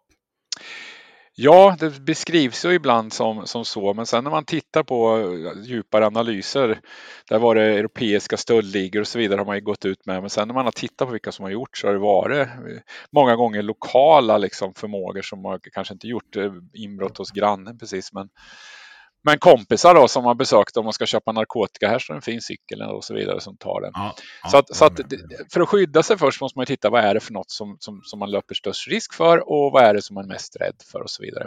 Det farligaste som ni har där uppe egentligen är ju trafikrelaterade brott, alltså ja. olyckor som, som mm, man kan drabbas av, att barn blir påkörda och att eh, man själv blir påkörd. Eh, där har ju, om man säger polisen har ju en extremt låg nivå på sin trafiksäkerhetsarbete och det tycker jag det är bra för då kan man ju liksom egentligen sätta hastighetsgränser och annat hur man vill och även när det gäller påverkan när man kör och sådär. Eh, mm. Men här är... Alltså jag kör ju lastbil ja. på 40 procent åt Instabox. Ja, okay. Och det är liksom mellan, ja men så här, vi har från Tierp till Orsa och Gävle till Malung så är vårat, vårat område. Jag ser väldigt sällan poliser ute på en dag när jag kör 70-80 mil. Det är extremt mm. sällan det, det kontrolleras. Däremot ser jag massa jävlar i Audis med takbox som är på väg av vägen hela tiden. Mm. För att det går för fort. Ja exakt och, och, och, just att de, man tycker själv eh, när man kör kanske att man eh, att man har kontroll eh, och sen så särskilt om man har fyrhjulsdrivet och sådär så, så om man då mm. tappar kontrollen så kanske man inte alls är van och har inte kört halkkörning och sådär med den typen av bilar eller fordon heller. Men, men, så, där, så, så den risken till exempel bortser man ofta ifrån att den största risken är egentligen till och från jobbet eller till och från skolan. Och där har ju polisen ett ansvar men där kan ju kommunen också genom olika lösningar göra att, eh, att det blir högre säkerhet. Men det är svårt som enskild invånare att göra någonting. Där måste man sätta krav på staten att man förbättrar eh, eh, övervakning och, och minskar risken. Mm. Så det är en grej. Sen är det då inbrott, alltså inbrott och liknande. Där är det ju ofta lokala förmågor som behöver eh, eh, pengar. Det kan vara ligor också exempel som stjäl diesel. Det kan vara mm. ligor som stjäl eh, katalysatorer och så vidare. Som, som, som Båtmotorer försvinner det en hel del. Så också. finns det också och det kan ibland vara svårt att veta om det är lokala förmågor eller, eller om det är och här om man har avsaknad av en polis och en ordningsmakt och sådär då, då börjar ju med att man eh, bevakar båtklubbar och så vidare. Det finns ju på många ställen. Alltså, man är någon mm. slags medborgargarden kan man ju se det fast på väldigt eh, lokal plats. Nästa... Och det är oftast bara en närvaro som, alltså är det, vi har ju en båtklubb i Leksand och liksom lyser det och någon sitter och dricker kaffe, det räcker ju oftast för att det inte ska ja. försvinna någon båtmotor den, den kvällen. Ja. Så Garde är väl att ta i, men jag förstår vad du ja, menar. Ja, civil, ja. civil närvaro. Ja, alltså det är ju inte exakt. Och det, det, det är ju, men jag menar om, när, när, inte kanske i, normal, eller i normalfallet, men när det väl blir, vi säger att det blir upprepade stölder och man får tag i någon sån här person som man eh, blir, är väldigt irriterad på i allmänhet. Så det är klart att vad händer då? Om det, mm är det så att man, jag vet sådana berättelser, jag har fått sådana berättelser till mig att man har löst det, inte just från Leksand och sådär, men ja, på andra ställen. Eh, att man har löst saker och det har ibland kommit i media också ska jag säga. Eh, mm. Löst brottsproblemet men eh, själva kanske i vissa fall blir misstänkta för brott när det upptäckts då, att man har kört ut folk till myrar eller, eller gjort saker. Ja, precis. Jag, hör, jag hörde det där i, i Skåne, alltså på andra, andra delen av landet, att de liksom, ja men det finns system för, de vet hur lång tid det tar för att en kropp ska förmultna i en gödselstack. Och det, alltså man kan skratta åt det, men det är fan ingen bra utveckling. Och det är som, som vi pratade om i första delen, det blir ju när staten drar sig undan så ersätts det direkt kanske, kanske till och med innan. Alltså när man märker mm. att man kommer undan med saker så, så blir incitamentet för att vara laglydig eh, mindre. Ja, och, där, och det är bara som, som vissa saker behöver man ju polisen när man ska göra en anmälan och när det gäller försäkringsfrågor och så där, och där funkar inte polisen heller. Så att det, det finns en stor utmaning att få polisen på rätt köl och, och, och som det är nu så drabbas många av det. Men om det väl kommer på rätt köl så, så så kommer man få automatiskt få väldigt mycket bättre eh, och väldigt mycket högre, eh, att känna väldigt mycket mer tilltro och sådär. Eh, men så är, där är vi inte nu eh, och ehm, eh, ja, jag hoppas att det kommer dit. Ja, och nyckeln i det tror jag är närvaro och, och kännedom. Alltså närpolisreformen var ju gullig och så, men det, det vart ju inte. Och någon, någon kommunpolis som är ute och pratar om reflexer i skolorna är också, också bra. Men det vi behöver fler poliser nu ut, i yttre tjänst. Alltså, kom ihåg första gången jag var i New York, eller enda gången jag var i New York, första gången lät jävligt världsvant, men, men alltså, det står ju patrullerande poliser i varenda jävla gathörn. Mm. Uh, sen är frågan vad, vad, som är behov och efterfrågan där. De kanske har det behovet också, men det var poliser överallt och jag kände mig supertrygg. Ja, sen är det ju Sen är det ju kanske svårt att ha poliser i varenda gathörn upp hos er då tänkte jag säga. Vi har ju knappt gator. nej, nej, det finns väl gathörn hos er också. Så, så avsides är det inte. Um, nej, men jag, jag, de, de gånger jag var uppe, det är väl ett tiotal gånger som jag har jobbat i, som polis i olika omfattning hos, hos er då, under åren. Och, och det har ju gått att göra ganska mycket bra saker eh, med rätt få poliser. Eh, mm. Och där ser jag också möjligheterna som jag föreslår att man ska nyttja polisstudenter i högre utsträckning. Att man ja, har det då. Alltså någon slags deputies, eh, om vi ska ta amerikansk, med ordningsvaktsbefogenheter men und, under befäl. In, ja, man har ett problem där uppe. Man åker upp dit, kör tre dagar eller fem dagar eller en vecka eh, lagför gärningsmännen eh, eller vad det nu kan vara för någonting som man ska åtgärda, om det är trafikproblem eller vad det är. Och sen mm. kan man dyka upp igen. Alltså det kostar inte för den lokala polisen någonting utan de gör en beställning och får en leverans. Då. Och då kan de bygga förtroende. Det, det behöver inte vara de som skriver böter på på grannen eller på fotbollstränaren eller vad det nu är, utan det är några mm. jävla stockholmare eller något liknande va? Så, som, som får skäll att de är så jävla idioter. Men samtidigt så vet ju folk att ja, men det är bra. Så då slipper man förstöra relationen som polis. Det är jobbigt ja. på mindre orter eh, av förståeliga skäl. Då. Men, då, men man vet problemen och för folk kommer att klaga mycket på det. Så, så de lösningarna tycker jag är bra och man får en förankring och det kanske inte behöver att man har, det kan ju vara folk som också civilanställda som, som har kontakter ute i samhället och ja. lokaliserar saker. Så det behöver inte vara poliser i det sammanhanget för att bygga upp kontakter. Men just då insatsen behöver det vara då, eller, eller frivilliga på annat sätt som följer med, alltså studenter som följer med färdigutbildade poliser. Så jag tror det finns stor, en stor potential att snabbt förbättra det här. Annars kan man tänka sig att det tar lång tid. Men det här ser jag att det, mm. sådana grejer går att redan till sommaren om man har det intresset. Ja. Och sen har du, då, då kan du liksom koncentrera dig på att få lokala befäl av Kjell Brandin-kaliber så att det liksom blir ordning. För han, han antar att du sprang på om du var här uppe och jobbade? Ja, absolut. Han, och, och, och jag eh, kan, kan ju se att Eh, att det går liksom, att se möjligheterna vad det går istället för att se hindren. Och där, ja. där, där tycker jag finns jätte, det finns jättemånga bra poliser, det finns bra liksom, aktörer hos er som är, det du är en liksom som är positiv och så, så att det går snabbt att, att göra saker. Ehm, och det hoppas jag att det kommer ske. Men som det är nu så är det om polisens ledning ska säga ett helt annat, fokus, ett helt annat fokus. Sen finns det polispersonal ute som, som, eh, som, har, som är jätteduktiga som, har, som inte alls har de här ledningarna men kanske inte vågar säga saker. Jag tänkte på det, för jag lyssnade igenom första delen här så att det blir en, en liten återkoppling. Men vi pratade om, om rekrytering och så. Jag, det marinerar i huvudet lite där att den här akademiseringen av polisen kanske gör att du får karriärmänniskor istället. Alltså förstår du, du, du, du rekryterar folk som som eh, ska jag säga, mellanchef på statligt verk-människor istället för rörmokargrabbarna. För har du då så, för höga akademiska krav, då, då tappar du ju rörmokargrabbarna. Men rörmokargrabbarna, och jag älskar ju rörmokargrabbar, eh, de kanske blir kvar i yttre tjänst längre för att det är, det, alltså de är mer hantverks pojkar än mellanchefspojkar.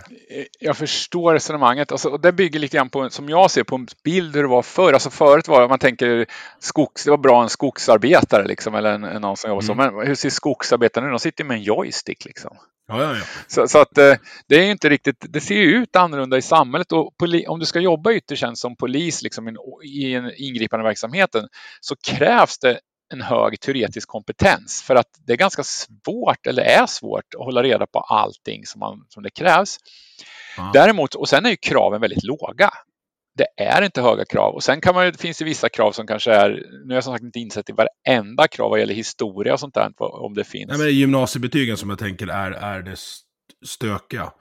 Eh, jag, jag, tycker att man skulle ha så här, ja men gör, om du kvalificerar dig för lumpen efter gymnasiet och klarar av lumpen, då ska du fan, du ska kunna gå rakt ut från K1 och in på Polishögskolan. Mm. Ja. Det finns inte K1 kvar tyvärr, men alltså, ja. du, förstår, du förstår vad Ja, exakt. Det, sen, sen måste det någon slags uttagning och sådär. Och, eh, Nat naturligtvis, eh, men jag tänker att det kan Pliktverket göra då och du skulle kunna liksom anmäla dig. Du skulle kunna ha ett, alltså ta MP-tjänsten då på, som var på K1 mm. på Livgardet nu. Alltså det skulle kunna vara en polishögskoleförberedande kurs om man anmäler det intresset oavsett vad du har för gymnasiebetyg. För du har lite juridik där också och hela, hela grejen, nu var inte jag MP med, var jag K1, men de ställde oss med en AK4, på, skarpladdad AK4 på slottet efter vad? Mm. Nio veckor, tre månader. Det är, mm, det är lite läskigt, en 18-årig testosteronstill Emil med 10-762 i magasinet. Ja, och det kanske inte är så bra. Liksom, Nej, heller. det kanske inte är så jävla bra. Eh, och, och, och sen är det ju då när det är, alltså det är ju så, så hänsyn och, och lag, alltså lagar som är, som är svåra liksom att att applicera. Eh, alltså vissa typer av arbeten, det, det är det som är det problemet att det går att se och när man målar upp polisyrket så är det ju vissa typer av arbetsuppgifter som är väldigt enkla om man säger så. Eh, och eh, där eh, det, det, glömt, är det lätt att glömma att det, att, att det är ett hantverk som är komplext och det, en del av hantverket är en teoretisk förmåga. Ja. Eh, och, och där, jag skriver ganska mycket om det här och det går att ladda ner om man vill ett kapitel från min doktorsavhandling där jag har en liten... Och vi kan länka det i avsnittsbeskrivningen också. Ja, det finns, jag tror kapitel fem eller något sånt där. Det är en typ en liten eh, som en, eh, upp, en berättelse om två poliser och sen så berättar jag vilken kunskap som de här, det krävs i de olika situationerna. Det är väl inte så bra berättelse kanske, men, det, men det ändå visar lite om olika typer av kunskap. Då. Mm. Eh, och det, om man inser vilken kunskap det är så inser man också att kraven sannolikt är för låga när det gäller antagning till poliser. Men samtidigt att, man, att en del stoppas som inte borde stoppas. Och så där. Det går att säga ganska mycket om det. Eh, och det går att säga också mycket om hur, hur, hur utbildningen och kontrollen av de som, som både är på väg att bli poliser och de som är poliser ser ut. Då. Eh, men det, det, blir, det blir ganska invecklat och långt om man ska gå in. Men, men visst, jag kan hålla med det. Och, och, men samtidigt så är det lätt att glömma just den teoretiska biten som är så stor Mm. ändå av polisyrket för närvarande. Och det är där jag tänker att man skulle kunna ha, ha en diversifiering som vi pratade om innan. Att du kanske ska kunna gå direkt till utredning om du är liksom en, en sån människa utan att passera de här motsvarigheten till gröntjänsten. Vad, vad tror du om det? Ja, absolut. Det, och det görs ju också nu. Det görs Ja. redan nu. Med de här specialistsnabbspåren. Ja, även annars att du får civilanställd personal som sen går, blir, får merit eller får liksom polisiär behörighet. Det går också att diskutera i vissa fall om det är värt att skicka iväg någon på, på en sån utbildning. Eh, men, men med tanke på den arbetsuppgift man får, sen får. Då. Men visst, det går att tänka sig olika spår eh, och, och, och eh, yt- på ytterligare liksom. Men framför allt om man ändrar, eller dels olika spår, men sen också att man ändrar utbildningen till då när det gäller ordningspolisen att man då har mer praktik, ungefär som läkarna, för det är ett så komplext yrke och det behövs också eh, få handledning och hjälp. Det räcker inte med en kort praktik och sen kastas man ut och blir handledare själv. Det blir ingen bra poliskår då ju för länge. Sen är det ju när det gäller rapporteringen om det som, det som händer på polisskolan. Det var ju någon, någon genomgång här i kvällstidningen eh, härom veckan eller månaden. På, på extremfallen, alltså folk som skriker saker och Ja. drar fram pistolattrappen. Och man kan inte bedömas på det heller. Nej, nej. nej, men det blir ju, när man tar sådana exempel så, så blir det ju anekdoter och det har alltid funnits från 80-talet också. Det dyker alltid upp puckon som kommer igenom eh, nätet. Ja, det gäller ju alla yrken. Och, och, och, Ja. och, men det är problematiskt när det är yrken. Alltså är det en massör eller någon annan som, som är pucko så kanske inte gör så mycket. Ja, det kanske gör också beroende på vad den gör. Det kan den. ju jätteont. Ja, ja men, men, eh, men annars, det går ju ofta att välja själv. Här kommer det en polis helt plötsligt liksom, som, som gör saker. Ja, det skulle, vi ska ta, vi ska in på, på lite lyssnarfrågor snart. Men jag har två saker som jag tänkte att vi skulle inte vara överens om. Jag har skrivit en ledartext, eh, nu vet jag inte var den har publicerats någonstans, men den ligger lite överallt, Mm. om den här motorcykelpolisen i Piteå som eh, vart åtalad för tjänstefel för att han hade jagat en moppekille. Eh, du vet säkert vilka jag menar. Det var på T- TV4-klippet här, han åkte i fattan genom trädgårdar och grejer. Jag såg att du skrev om det på Twitter bland annat. Nej, det kan jag inte skriva för jag har inte Twitter. Nej, nej, då var det någon annan Ja. som skrev det. Men i alla fall, han, eh, det är en moppe som inte stannar. Mm. Och även en trimmad moppe har ju jätteproblem med en BMW 1200 GS att eh, komma ifrån. Mm. Så han, han jagar honom och får tag i honom flera gånger. Eh, men vart åtalad för tjänstefel och jag ser inte var, vad, vad felet är. Alltså, du måste ju stanna när polisen säger åt dig att stanna. Och stannar du inte så måste polisen få dig att stanna, Mm. tänker jag. Har, jag. har jag fel? Nej, men alltså om, om, om, eh, om polisen gör tecken för att stanna så, så måste du stanna och det är förenat med en böter, vad det nu är, jag kommer inte ihåg i huvudet. Är det ett 800 kronor kanske i stannat på polismans tecken tror jag. Det kan, Ja, och det, det, då är ju brottet inte tillräckligt det är inte tillräckligt stor straffskala på den för att motivera en efterföljning, vad jag förstår nu. Nej, det- eftersom parkeringsbot i vissa fall kan ligga i den nivån så kan man ju tycka det är ganska ringa brott. Och det, man kan också, nu, jag, ska inte, jag ska säga ett passus, jag kommer inte exakt ihåg vad den summan är nu, för det ändras ju. Men, men, Mm. men det är en sån summa som, som är låg kan man ju tycka i förhållande till, ja men säg att en polis går ut och gör stopptecken och, polis, och bilen åker vidare liksom. Eh, eller att man är efter. Är det rimligt att det, att det är dyrare vissa parkeringsbotar? Liksom? Jag tänker så här att folk som inte stannar eh, på tecken är nog, det är nog de bilarna som polisen kanske behöver titta lite i. Exakt. Så jag, jag tycker att, och om, om man då för, för argumentationen i, vad heter det, tillämpade, det heter någonting, jag satt och läste det, alltså poli, inte polishandboken utan det lilla kompendiet som, som finns som pdf. Eh, hjälp mig nu Stefan. Och, och, Eh, Polisens författningssamling Samling. heter det. Ja, Ja, okej. precis. Där står det att eftersom en tvåhjulig trafikant, motoriserad tvåhjulig trafikant, det vill säga moped Mm. och motorcykel, är oskyddad så ska man inte följa efter eh, om, det, om det medför en risk. Nej. Och min syn på det hela att det är ju motorcyklisten eller mopedisten som sätter risknivån. Det kan inte vara polisens fel. Nej, alltså jag förstår den, den, den, den, eh, den eh, synen. Och det ligger, alltså det är ju, poli- den här ungdomen gör givetvis eh, ett eget val. Ja, Men sen får man också tänka på att det är då kanske en kille som i vissa fall kanske är under 15 år.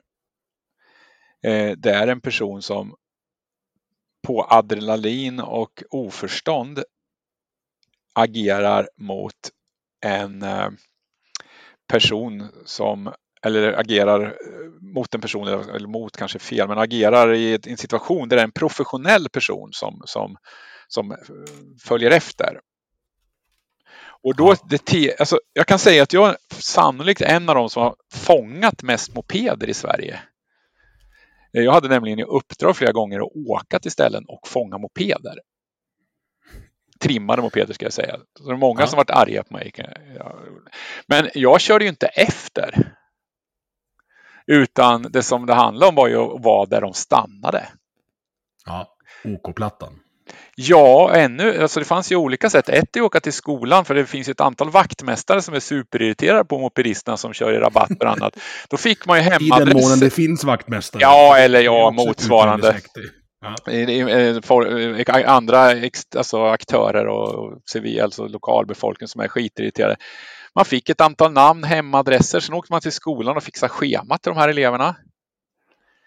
Eh, och sen visste, alltså det hade man i fickan så, så det var inte så svårt att fånga dem där sen om man ville för att de visste att de slutar 14 och 20 och sen åker de hem och sen så klädde man om till civil, eller satt på sig en civil jacka, ställde polisbilen en bit därifrån, gick fram så att man inte var i det stråket där de kom och sen så när de hoppade av Mm. deras huvud gick ju som en radaranläggning så ifall det var någon polis och sen gick man om, så gick man, när de gick av mopeden gick man fram och knackade på axeln. Ibland gick jag och höll någon polistjej i handen med civila kläder. Jag var med till och med att de ropade fusk liksom, när vi fångar dem. Ja. Eh, och det är ett bra. annat sätt, alltså man utsätter inte dem. Man, man får tag, för syftet är ju på något sätt många, ass- det är en sak om det är ett väpnat rån och liknande. Va? Men om vi säger Mm. okynneskörning, eh, olovlig körning som kan bli fråga om eh, ej stanna på polismans tecken och liknande. Nej, men du får tag i de här. Du tömmer ju en ort på trimmade mopeder eh, fort om du har det intresset och utan någon större kraft. Sen är det att undersöka de mopederna, men då får man ju då ha något avtal med någon mopedverkstad, inte i samma ort, för det kan vara känsligt, med någon närliggande ort som man kör de här mopederna till och sen får mopedförarna betala eh, undersökningen plus att man beslagtar och förverkar eh, trimmade delar, det vill säga hela motorn i vissa fall, eh, om man nu gör de här små trimningarna som, som man gör. Då. Eh, för då är ju den, till exempel avgassystemet, om man tar bort saker där så blir ju det eh, förändring på, på det och då tar man hela avgassystemet. Liknande. Till slut, då är det ingen som har det. Sen, så, sen får man ju också se, bor man på landet långt ifrån och, så, och sköter sig liksom, hur mycket ska, energi ska polisen lägga på de sakerna? Eh, Nej, så är det. Det, det, fin, det finns sådana saker. Sen, och samtidigt då finns det det som kör riktigt dumt, som utsätter andra, som dessutom orsakar olyckor, orsakar mycket. Då kanske en del oskyldiga som kör väldigt bra blir drabbade, men då får ju de i sådana fall sätta press på kompisar och annat som kör illa. Det kan vara traktorer och liknande också. Då. Så att, eh, mitt svar har varit ganska långt, men jag förstår ditt svar. Eh, och, och, jag själv har ju känt så ibland när jag sitter i polisbilen, vad fan sådär, om man, ursäkta om man svär då, men, men man får också tänka lite längre, att det är en ungdom som inte tänker riktigt klart, som kan adrenalin, som, som inte alls skulle agerat så om man satt i en helt annan situation i lugn och ro. Eh, och gör helidiotiska grejer. Och då ska, då ska det vara en så professionell polis att den polisen tänker okej, okay, det här var när jag kör som en idiot, när jag borde stanna. Eh, det ser inte bra ut att släppa en sån här kille eller, eller tjej för den delen, fast inte lika vanligt. Men, eh, och då att det ser illa ut på orten, men då får man i så fall visa att ja, men titta, jag fångar nästa dag liksom, när han eh, är i skolan eller sådär. Eh. Just i det här fallet så hade, nu vet jag att du inte har läst på, men du får helt enkelt lita på mig. Men just i det här fallet så hade det varit buskörning hela dagen. Så polisen åker alltså och byter bilen mot motorcykel för att vi måste få tag på den här killen. Okej. Okay. Och, och, i det fallet, då ska det ju bara, det ska ju bara vara, det ska ju vara stopp. För om, om det då blir, för det, det ryktet fanns ju redan när jag körde moppe för, nu håller jag på att räkna ihjäl mig men det är snart 30 år sedan. Uh, att slänger du av dig hjälmen får de inte följa efter. Ja, ja, den incitamentstrukturen det bygger är ju skitdum. Ja, den stämmer ju inte heller. Då. Men, men, Nej. Så, så, så att, eh, men, men jag tänker på varför byta. Ja, det kan vara bra motorcykel, men då blir det en jakt. Klä på dig civila kläder. Nu, nu vet jag till fallet, liksom, men Nej. som vi gjorde när vi fångade väldigt många moppar, det var att satt på oss en civil jacka, tog en vanlig cykel till exempel. Ja, jag, jag förstår. Och de stannar ju, det går inte att åka, bensinen tar ju slut någon gång plus att det är inget roligt att köra runt, runt, runt utan någonstans står ju den här. Man, om man, och kör man inte motorcykel själv så hör man ju vad den här standarden står och pratar med kompisar och annat ja. och, det, och sådär. Så det är, inget, det är superlätt att fånga. Det tror inte ungdomarna. De tror med att de, det är ingen som kör ikapp mig och sådär, men det är inget lätt. Det är, eller det är inget svårt alls. Det, det är bara tid som krävs. det, de har en massa polisfoler på där man trycker på en knapp och så vidare. Men det hör man ju också om man har hållit på mycket direkt på ljudet på moppen om den här trimma. Så att nej, det där det handlar om kompetens, men det handlar också om att polispersonal inte får den utbildning som krävs och, och de uppslag som finns och de möjligheter som finns när det gäller vissa brottsproblem. Men visst är det ett mm. irriterande problem. Det, är det vanligaste samtalet är ju det här buskörning eh, och det skapar mycket, mycket irritation så att jag förstår att människor blir av det. Men det går att få bort. Det går att få bort enkelt eh, om man nu har det intresset. Här ute har vi kombinationen buskörning och baslåda. Det tycker man inte om när de kommer åkande. Man, man hör, man hör eh, Eddie Medusa innan man hör motorn. Ja, jag var faktiskt med om det. Det var rätt roligt. Eller, det var inte hos er, det var i Arvika tror jag. Jag fick åka med någon lärpolischef där och, eh, och en psykolog faktiskt. Det var inte för att jag satt i bilen utan medföljande för att studera polisverksamheten. Och eh, då var det ett jag, eller raggargäng där, det var inte A-traktor, men de spelade ju jättehög musik. Och då gav närpolischefen mig order att gå fram och klippa av högtalarsladden.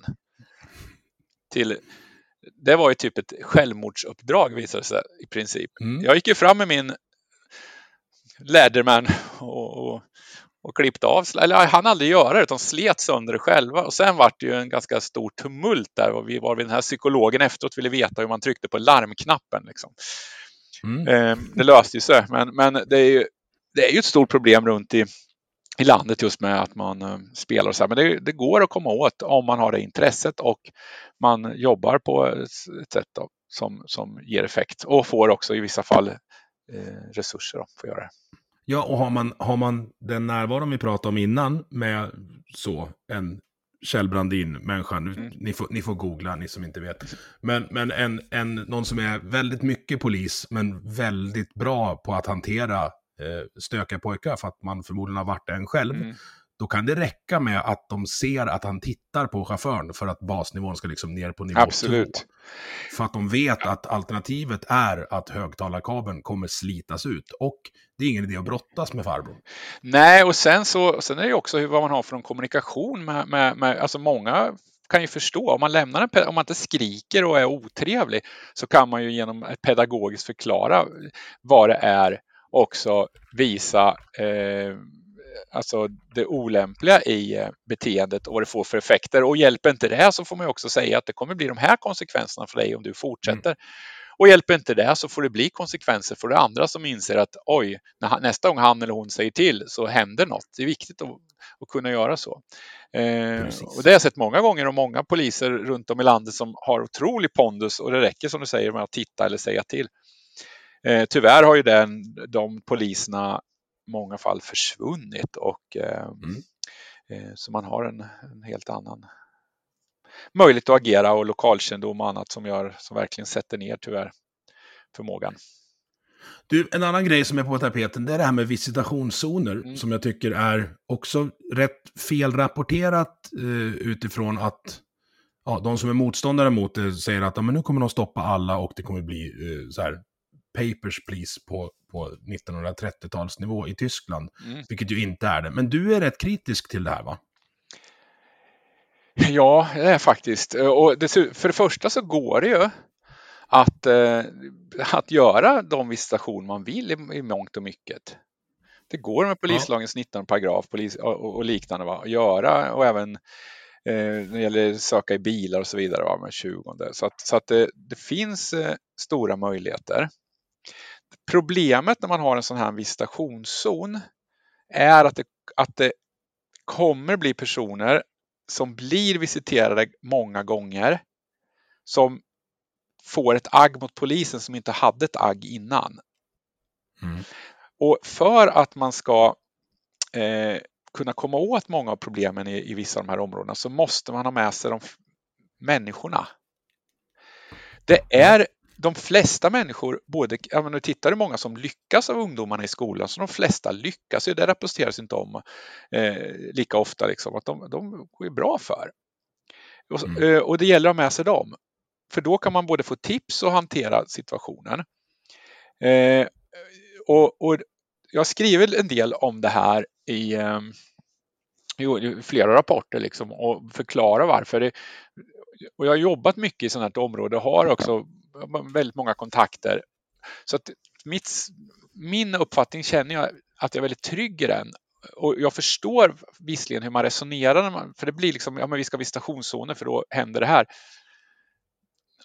Ja, det kan få vissa positiva effekter, ja, men det får betydligt mer negativa effekter och det är den delen som man inte alls ser. Eh, jag skriver bland annat om analysera tunna blå linjen. Jag vet inte om du kanske har sett den, den filmen? Nej, jag har, jag har undvikit den för typ alla mina poliskompisar säger att den är skit. Så jag, jag ja.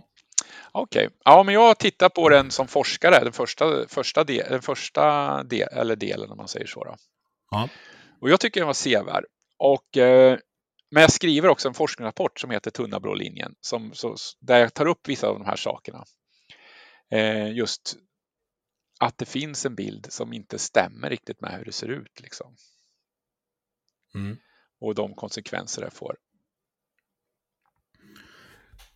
Det är intressant det där med visitationszoner och du pratar om att du har jobbat i de här utsatta områdena. Jag har ju jättemånga kollegor som, som eh, ha, bor eller har bott i Kärna Ängar i Borlänge. Mm. Och deras lösningar på problematiker i våra utsatta områden kan inte jag prata om i podden. För att det är saker man skulle bli utesluten ur AFS för när de, när de, mm. när de drar igång. Eh, ja, och, jag... det blir, det, ja. och de, är, de känner sig svikna. För att, som du säger, till och med, eller så här, till och med i våra utsatta områden, 95 procent av de som bor där vill ju inget hellre än ha det lugnt. Absolut. Eh, och, och, sen är det också att de utsatta områdena skiljer sig åt. När man pratar om utsatta områden så, så glömmer man liksom, man vill ha att, att det är väldigt eller, olika skillnader i geografi och allting. Och det, det gör ju att när man ska prata om lösningar på olika ställen så kan man inte prata om hur så här ska vi jobba mot utsatta områden. Utan måste Nej. prata om hur ska vi jobba mot just det här utsatta området. Eh, och med vilka aktörer ska vi, ska vi samarbeta med och så vidare för att komma till rätta. Vi måste göra det tillsammans. Det är inget som polisen kan göra själva, men som polisen gör så förvärrar man situationen många gånger. Tyvärr. Mm. Eh, inte de enskilda individerna som poliser. Ja, det finns det också fall ska jag säga, men, men, men man säger, polisledningen sett deras strategi och så där för att ta hand om det. Tyvärr. Eh, och det är också varnats för ända sedan mitten av 90-talet. Eh, ja. Utan att det har hänt någonting. Nu börjar man ju förstå eh, att det kanske inte var så bra på det sätt som man själv gjorde. Då. Vi ska gå över från det till eh, lyssnarfrågorna som har kommit in. Mm. Eh, och det är lite, det är lite blandat. Eh, och några är anonyma och några är, är inte anonyma. Mm. Eh, så här. Tried as an adult pratar de om i USA. Det vill säga att gör du ett brott som är liksom på vuxennivå Mm. så struntar de i hur gammal du är. Mm. Vad, vad tror du om det? Nu är vi inne på, på liksom de som kommer efter de- den polisiära delen, men det är ändå en del av rättskedjan. Alltså är du tillräckligt gammal för att skjuta någon, då är du tillräckligt gammal för att sitta i fängelse fulltiden för mord. Ja, exakt. Jag, ehm, jag tycker att det svenska rättssystemet inte, alltså det jag har sett av det, är, är, är att det inte är bra.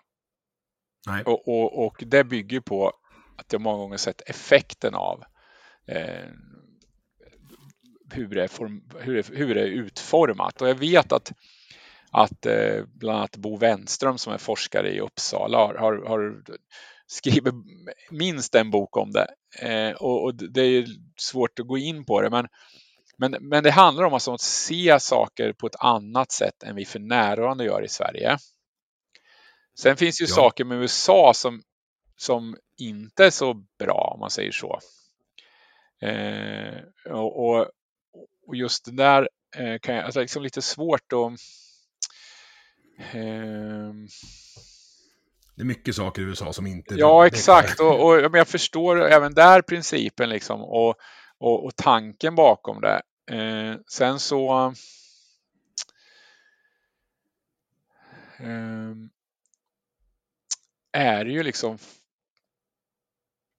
Alltså jag, jag, jag är svårt att, jag får säga nästan pass på den, för jag håller ju med om att man ska, om man, är, om man gör saker eh, så, så ska man stå för det på ett helt annat sätt än man får i dagsläget. Däremot så vet jag inte riktigt om man ska resonera som att, eh, ja, hur man, när, Inte three strikes and you're out. Nej, ja, kanske det också på sätt. Kanske inte out, men beroende på vad det är för någonting. Men ja, det finns saker i det amerikanska rättssystemet som inte alls är bra, men det finns också saker som är bra. Eh, och det måste bli mer kännbart eh, eh, och kunna, ja, men sån här eh, eh, Sluta skjut-projekt till exempel, den har ju inga förutsättningar att fungera i Sverige beroende på att det inte går att sätta den press som, som, eh, som man kan göra i det amerikanska systemet. Ändå så infördes det då till exempel. Och då, eh, där eh, finns ju saker som svenska system måste utveckla. Men det här är ju liksom frågor som man inte det måste man vara ödmjuk att det krävs en djup juridisk kompetens och också en djup analys för att kunna yttra sig och, och liksom komma med kloka synpunkter. Och jag kan inte säga att jag har den djupa juridiska alltså kunskapen för att kunna yttra mig om, om allt det, utan jag bara ser att utifrån ett polisforskningsperspektiv då, så ser jag att nuvarande rättssystem har ett, måste ses över. Så kan jag säga. Liksom. Och då blir det ju saker som, som jag kan hålla med om och saker som jag kanske inte kan hålla med om då i det, sådana synpunkter. Det är av Nej, detaljer. och jag har ju... Jag har ju verkligen inte den juridiska kompetensen, men, men ur ett lekmannaperspektiv och utifrån när man ser att, att, att man inte staplar straffen på varann när man gör flera brott i rad. Det finns ju någon så här, ja men så här, Hagamannen, vad han fick för tid per utredd och liksom Mm. bevisad våldtäkt. Han fick ju så här, ing, några veckor per våldtäkt. Så att det blir ju var, var femte våldtäkt är gratis när du kör, kör mängdrabatten. Mm. Ja. Och då blir ju folk vansinniga. Ja. Alltså jag blir ju så arg så att jag vet inte vad jag ska ta vägen. Ja, nej, men lite det, det är ju, det, det är ju liksom rätts... Ja, och det blir liksom rättsmed, en all, alltså någon slags rättsmedvetenhet, att det sticker i ögat, att, det, att vi kanske inte Alltså man ser det mer som att man ska straffa va? än att med fokus på Mm. gärningsmannen. Men det här är också en synsätt som polisen har, eller som samhället här i Sverige har haft och, och, och sådär som kanske är på väg att svänga. Och, men det är bara att titta på en sån här enkel sak som trafikbrott. Alltså det, det är ju grundläggande också hur man tänker. Det får man ju, alltså om man gör ett brott får man ju halv, blir, blir hälften så dyrt. Alltså om du gör först ett brott och sen ett till så får du avdrag halva kostnaden. Mm. Och det borde ju vara så att det blir dubbla i sådana fall, kan jag tycka. Ja. Alltså att det blir värre. Om du inte stannar på polismanstecken, kör på en cykelbana och sen inte stannar på eh, för eh, ja, stopptecken. Alltså du... Och inte ha körkort och är full i en Ja, men, ja, men då, då, full och då kommer det in på annat. Men vi tänker bara på böter. Så, så får du ju, säg, säg att vi inte stannar för polisens tecken och sen så stannar du för stopptecken och sen så kör du på en cykelbana. Då tar man den dyraste och så får du halva bötesbeloppet på de andra. Det borde ju rimligen vara så att du tar det dyraste så kanske du dubblar de andra eller något liknande. Så det borde inte vara som... Ja. Och så är det ju vissa, så är det i en del länder. Och det är väl kanske mer rimligt att det blir värre om man gör fler än att det blir mindre allvarligt. Men det går ju att ha synpunkter på också. Men, men det känns väldigt konstigt också hur man hanterar ungdomar. Vilken, vilken alltså om man säger det, det är inte pedagogiskt den tillrättavisning man får. Nej. Eh, det var roligt, jag läste Helsingborgs Dagblad igår. Då står det så här. Den 58-åriga mannen har redan tidigare dömts för rattfylleri. Nu döms han för ett tredje rattfylleri som skedde inom loppet av lika många dagar. Han frias dock för olovlig körning under de två senaste rattfyllorna eftersom han var för berusad för att inse att han har förlorat sitt körkort. Ja. det blir ju, alltså, Monty Python hade inte kunnat skriva en bättre sketch än det här. Nej. Nu vet, så här, jag har inte läst domen och inte du heller, men det blir, när, när det där står i tidningen, då, då funderar man sig, jaha, varför ska jag lyda lagar när det är gratis att låta bli? Och det är, in, det är en slippery slope. Mm. Nu blir du tyst. Ja, ja, ja jag, jag var lite, jag tänker lite på Sen, det är tidningsversionen av Ja. en dom och de kan som bekant skilja sig. Ja, jo, alltså det som jag är lite försiktig när det gäller yttra mig, att, att jag har sett att eh, när man ska skriva saker, att det blir svårt att yttra sig om, om, en, om en sån grej. Mm. For, fortsätt, eh, vad heter det, eh, här, var försiktig du, så vevar jag. Vi, vi, vi gör så. Men du, eh, mängdrabatten, vi, fortsätter, vi fortsätter med flera lyssnarfrågor, för jag har några som är Mm. intressanta. Ja, för, ja, exakt. Eh, det här är från en anonym polis eh, som skriver. Det pratas om rekrytering, men en grej som är viktig, det är det här att det är svårt att göra sig av med, med poliser som är olämpliga för jobbet. Hur, hur gör man det? Och så har jag ett, jag har han skickat med ett exempel här som jag kan ta upp lite senare. Men, men förstår, du, förstår du vad jag menar? Alltså dig försökte de göra sig av med genom att sätta dig på att skicka USB-minnen, men eh, är det där en LAS-grej? För det är samma sak på andra jobb i Sverige. Ju, det är ju inte skäl för avsked att man är dålig på sitt jobb i Sverige, vilket är jättekonstigt. Ja, men alltså, vad, vad tänker du? Ja, alltså dels, dels, handlar det olämpliga om, poliser? dels handlar det ju om hur, när, när det är poliser som får väldigt mycket klagomål, eh, alltså att man ser att beteendet också inte har varit bra. Det behöver inte vara straff, alltså det behöver inte vara straffbart, men det kan vara olämpligt. Då handlar det om att, att man måste ta tag i de här individerna, för de, ska, de skadar ju så mycket. Ja. Eh, Ja. Men det är ju liksom beteenden som har att göra med eh, liksom gentemot allmänheten, hur man jobbar och sådär. Eh, och där finns ju en svaghet i, i polisens system, för man skickar ju allt för någon slags prövning och sen så eh, Ja, sen, sen så, vad heter det, säger, så kommer man fram till att den juridiska processen här inte att det var, inte var ett brott och då läggs det ner och sen kan polis, nästa, samma polis göra en liknande grej igen då, det, det är ju olyckligt. Sen handlar det också om hur arbetsgivaren sen gör med per- personer som, man, som inte agerat dumt men som, man, som arbetsgivaren tycker eh, har uttryckt kritik till exempel. Där kan man vara väldigt eh, sostifikerad vad gäller att försöka få de, de, de personerna att sluta, liksom man kallar in dem på samtal och ja, Mm. få ge dem arbetsuppgifter. Liksom. Så där är plötsligt så har man ett system hur man, hur man på något sätt nästan gör en provocerad uppsägning fast man håller sig inom ramarna. Då. Mm. Och jag tycker att man, man borde liksom kunna, ja men så här, du får ett års lön nu, men du, du ska inte vara kvar här. Får vi brickan och pistolen? Om, det måste fin, det, nu finns det ju en ansvarsnämnd, som, så är det personalnämnd, eller vad heter den? Mm. Ja, så. I alla fall, det finns ett exempel eh, i, i närheten här på en polis som dömdes för misshandel av en eh, dambekant. Mm. Eh, och vart av med jobbet, men sen vart det dömt till en lindrigare misshandel i, i hovrätten, vilket gjorde att han fick tillbaks jobbet.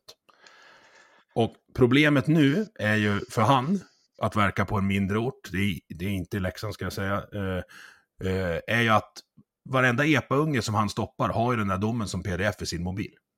Mm. Och liksom, vilket förtroende har han ute bland allmänheten då, det, det är ju förverkat. Mm. Eh, hur, hur, ska man hantera en sån sak? Om man inte ska liksom göra sig av med, med polismannen i fråga. Alltså, som sagt, jag vet inte specifika fall, men alltså, det finns ju poliser som beter sig på ett sätt som, som eh, inte är bra och, och gör det flera gånger. Och där eh, finns ju andra arbetsuppgifter inom polisen som man kan ha. USB-stickor? Ja, exempelvis. Ja, det, jag träffar i och för sig folk, så det är inte så bra kanske. Eh, ja, men förstår du, alltså, är inte det skruvat? Alltså, om du har en polis som, du måste, som inte ska få träffa folk, men ska få jobba kvar. Jag, alltså, jag, jag har så svårt för det där. Ja, här kommer in på saker som inte jag har forskat om, så, så att det är lite svårt att och, eh, yttra mig om också. Som jag, eh... Ja, nej, och jag, jag, alltså, du, det är helt okej okay att inte veta. Det är... Ja, nej, men alltså det, om, det, om du har poliser som agerar på ett sätt som, som inte gör att de inte får förtroende så, så är det ju ett problem. Eh, och, mm. Eh, och, det ingår i polislagen att man ska agera på ett sätt som skapar förtroende. Liksom. Och, och, där, eh, och det, det, blir ett större problem ju färre poliser du har på en ort. Alltså, ja, absolut. Det, det, det, blir, det blir jätteproblem och utmaningar. Och sen är det också ibland så att det sprids rykten om att polispersonal har gjort på ett speciellt sätt som inte stämmer, som också kan vara förödande. Eh, och, och, det i kombination med att man har då inspelningar och, och, dåligt beteende gör att då kanske man tror på de här dåliga eller felaktiga berättelserna också. Mm. Eh. Ja, vi släpper det och går vidare. Eh, en av mina favoritpoliser eh, i hela världen, Micke Westman från Malung, eh, twittrare. Han skriver, hur ser polisforskaren på risken med att alla särskilda händelser utarmar polisbemanningen i övriga delar av landet? Mm. Sa det en gång till, jag, det klippte till här. Jo, de särskilda händelserna. Vi har ju till exempel nu EU-toppmötet har ju gjort att vi har inte haft några poliser i Dalarna på typ en vecka för alla var i Stockholm och åkte buss. Ja, just det. Alltså att det, det ja men är inte det en bemanningsfråga? Alltså fler poliser så är det där inte ett problem. Ja, och sen är det också man använder poliserna. Hur bra är det att åka buss ja. i Stockholm? Vilken effekt ger det? Kontra att inte vara närvaro på lokala planet. Så får man problem där istället så får Stockholmspolisen skickas dit sen i nästa vända. Eh, mm. När man skickar ner poliser som, som eh, inte hittar och inte kan kriminella personer och sådär eh, på ett ställe så får de en låg verkningsgrad. Alltså man får ut väldigt lite av dem kontra om de var ja. hemma. Och håller man på med sådana förflyttningar som svensk polis gör nu på något sätt ofta för att visa att nu kraftsamlar vi så får man en, eh, totalt sett en sämre polisverksamhet i Sverige. Man måste jobba på ett helt annat sätt och tänka på ett helt annat sätt för att komma till rätta med det här. Man måste ha utredare som, som, har, som har ges förutsättningar, man måste eh, ha en strategi eh, och, och, man måste jobba på, på många sätt eh, annorlunda när det gäller kontakt med, med och ta hjälp av lokalsamhället. Men, men den förmågan har inte polisen och ibland undrar man om man har viljan också, eh, tyvärr. Det, även fast det finns på enskilda individer ska jag säga. Mm. När jag gjorde lumpen, då, då sprang omkring sådana här beredskapspoliser på K1. Är det någonting man skulle kunna ta tillbaks? Och vad var det? Ja, jag... Typ hemvärnet fast poliser. Ja, jo, det går att tänka sig, men, men eh, jag tror att det, om man har med de resurser polisen nu får, om, om, man, eh, om polisen hanterar eh, den budgeten på ett rimligt sätt så, så kommer det vara en, en, då kommer man kunna ha en bra polisverksamhet. Det, det, och, mm. och, där kan det ingå att man tar hjälp av, av eh, allmänheten och har möjlighet att ta hjälp av, av allmänheten på ett annat sätt än man har nu. Eh, det går att tänka sig olika lösningar eh, och som man har i andra länder med, med viss typ av frivillig tjänst. Där. Men, mm. men eh, som sagt, det finns många andra saker som polisen först måste ta tag i. Sen kan man prata om, om, om hur man ska med finlir och annat sen. Hur är det med internfakturering eh, inom, inom polisen me mellan regionerna? För när jag, eh, jag skrev lite om eh, korankravallerna i Örebro där och fick bland annat höra att de visste lite vad som skulle, vad som skulle hända de vart erbjudna rytteriet men tackade nej för att det skulle bli för dyrt för eh, regionen i Örebro. Och jag säger, inte att, jag säger inte att det skulle ha gått, att de skulle kunna ha stoppat allt stök där, men polishästar har en jävla lugnande inverkan på stökiga ungar. Det finns, jag har ju skrivit en rapport om påskupploppen där Mm. det ger synligen allvarlig kritik mot sättet att sköta det i Region Bergslagen. Berätta. Ja, den är jättetjock. Nej, men det handlar ju om hur man har utbildat personal, hur man har sett till att personal, de förutsättningar personalen har fått, att man inte har tag, gjort ett resursuttag som är rimligt, att man har placerat eh, den här händelsen på ett plats som är olämplig, att man, eh, ja det, går ju rakt, det, det, den är ju lång och det är ju massa bilder också, så om ni vill se den går det nästan att ladda ner tänkte jag säga, det är alltid gratis. Så det bara... Vi länkar den också. Ja, påskrapporten 2023, den gavs ut för ett par veckor sedan så den är ny. Det, alltså, Paludan fick ju precis det han ville där. Alltså precis önskad effekt. Absolut.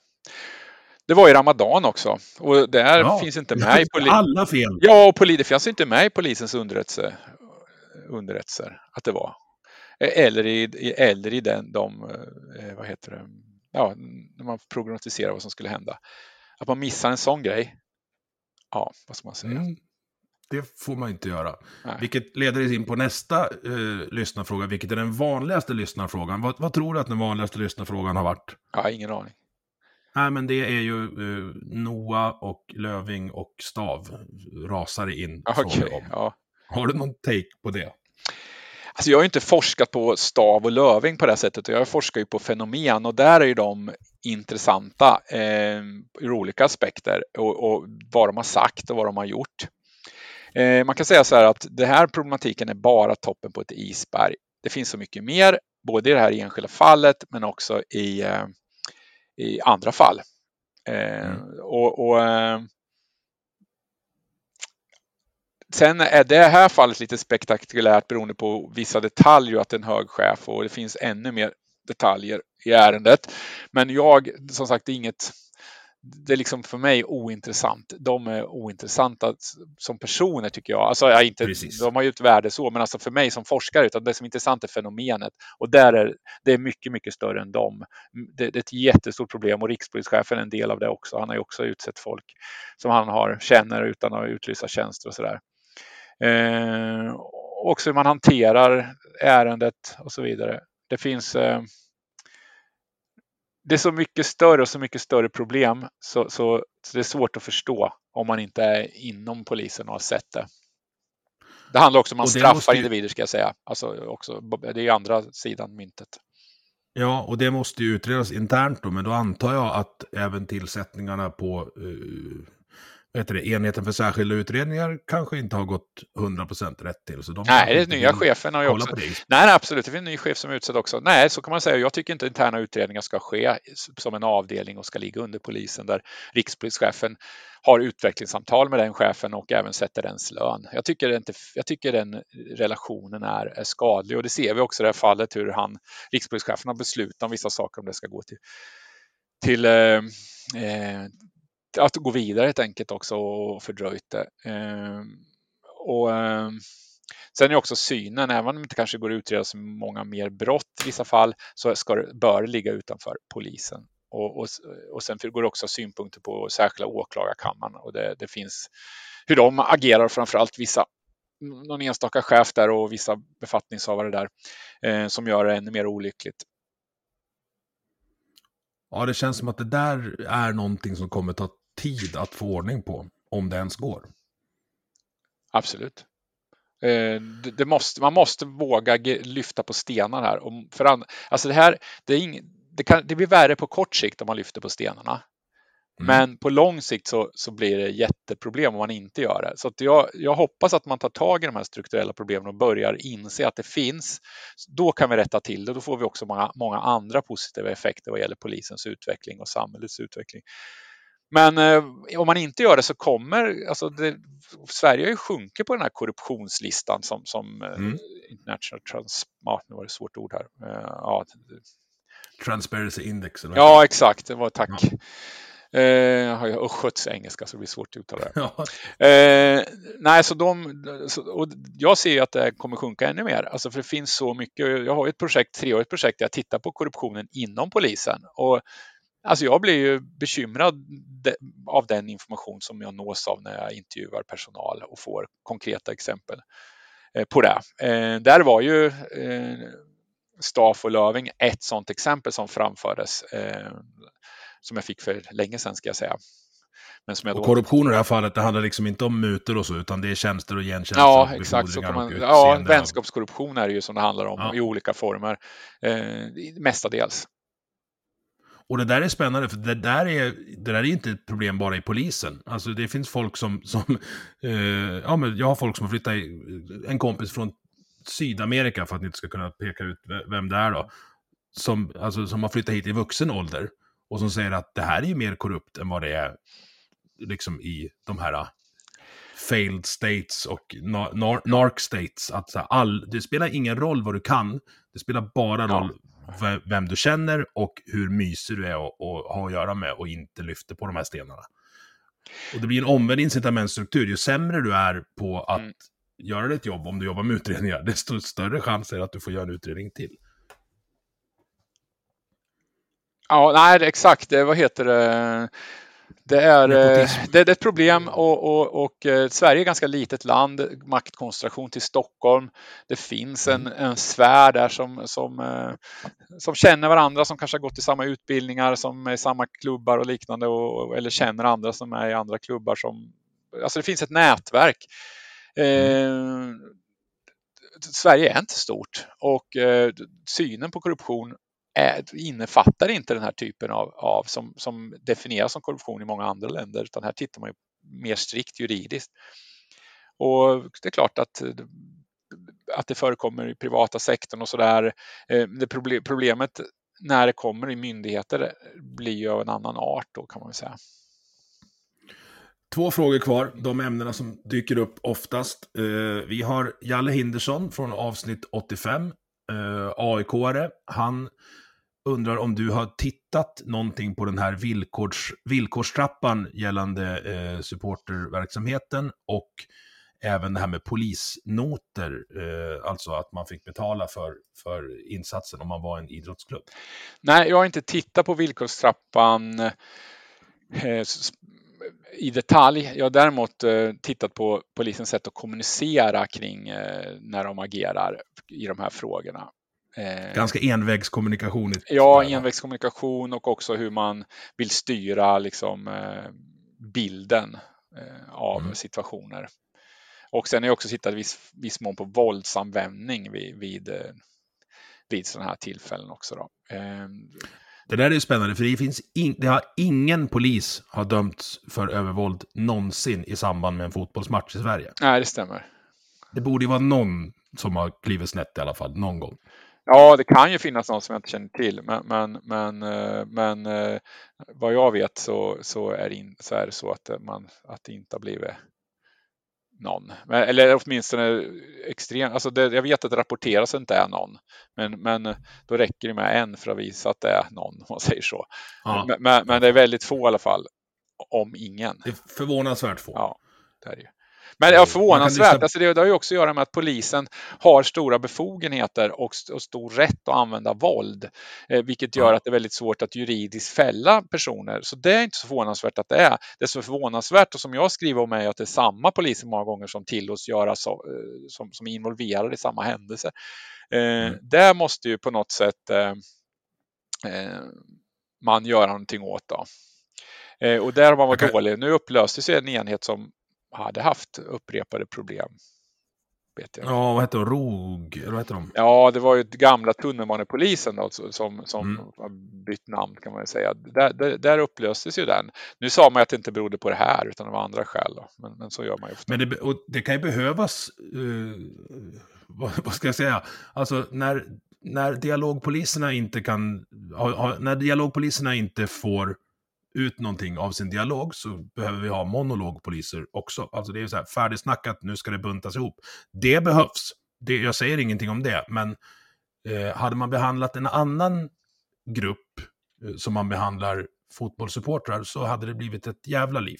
Man kan, eh, avsnitt åtta, om vi ska gå tillbaka hela, alltså, det är nästan på dagen två år sedan det kom, kan man också lyssna med Oskar Månsson, eh, sportjournalist. Ja, om just.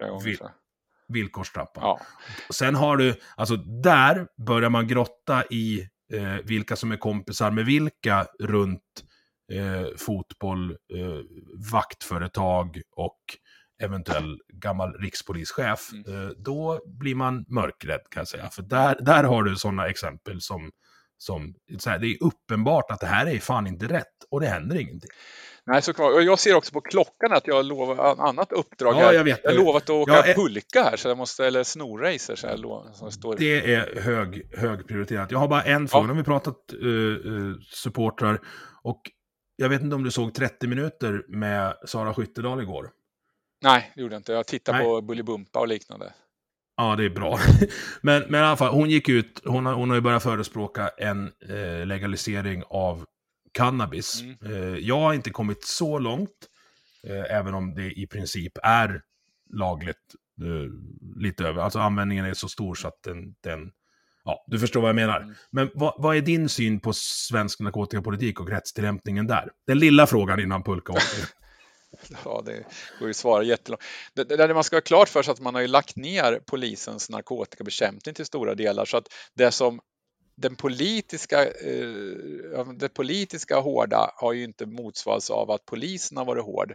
Och det är en, ett av skälen till att vi har sett den här utvecklingen vad gäller eh, skjutningar som man la ner så att man fick fe, spelrum för den här organiserade brottsligheten eh, som, som livnar sig på det här. Eh, man slapp oroa sig för att polisen utan det var mer koncentration mot andra gäng istället och att man skulle vidga marknaden.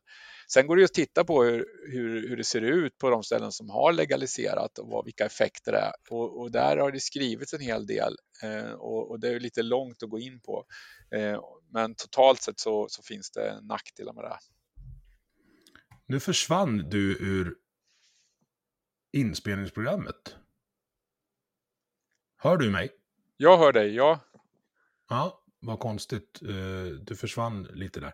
Men du, vi, vi struntar, alltså narkotikagrejen är för stor sak. Ja, det är för stort. Jag måste, jag, Vi- de är lite otåliga hör här uppe så jag vet inte hur länge de håller. Ja. Två Hur gamla är ungarna? Två och fem är de som är hemma nu. Ja, fy fan. Det är underbart. Våra är, är eh, fem och sju. Så vi är, Ja, en till som är i skolan också, men hon vill, hon, hon vill nog he- hellre åka pulka också och snorrace, men hon var tvungen att läsa. Men hur gammal är du? Ja, jag är gammal. Ja, precis. Det är lite sladdisar. Det var sen in Ja, på tre avels- sladdisar, för jag har ju inga andra innan, så jag, jag var sen. Jag var ute och reste, Ja. reste utomlands istället och gjorde andra saker. Men hur gammal är du? Är Eh, Född 50? 67. Ja, det är bra. Bra jobbat. Men du, vi ska göra någon slags avslutning här då. Så här. Ja, eh, det vart uppdelat på två delar det här, för att du var så jävla spännande att prata med. Och långt blev det också. Och jag vill avsluta med att säga, sluta inte debattera det här, för det här är liksom för viktigt för att låta bli. Mm. Ja, jag ska försöka. Du har lyssnat på Vi måste prata som produceras av mig, Emil Nilsson. Tycker du om det du hörde? Dela avsnittet med dina vänner och på sociala medier. Vill du stötta podden kan du göra det via Patreon där du hittar den på patreon.com snedstreck vi måste prata i ett ord. Eller så swishar du en slant till nummer 123 671 46 79. Vi hörs!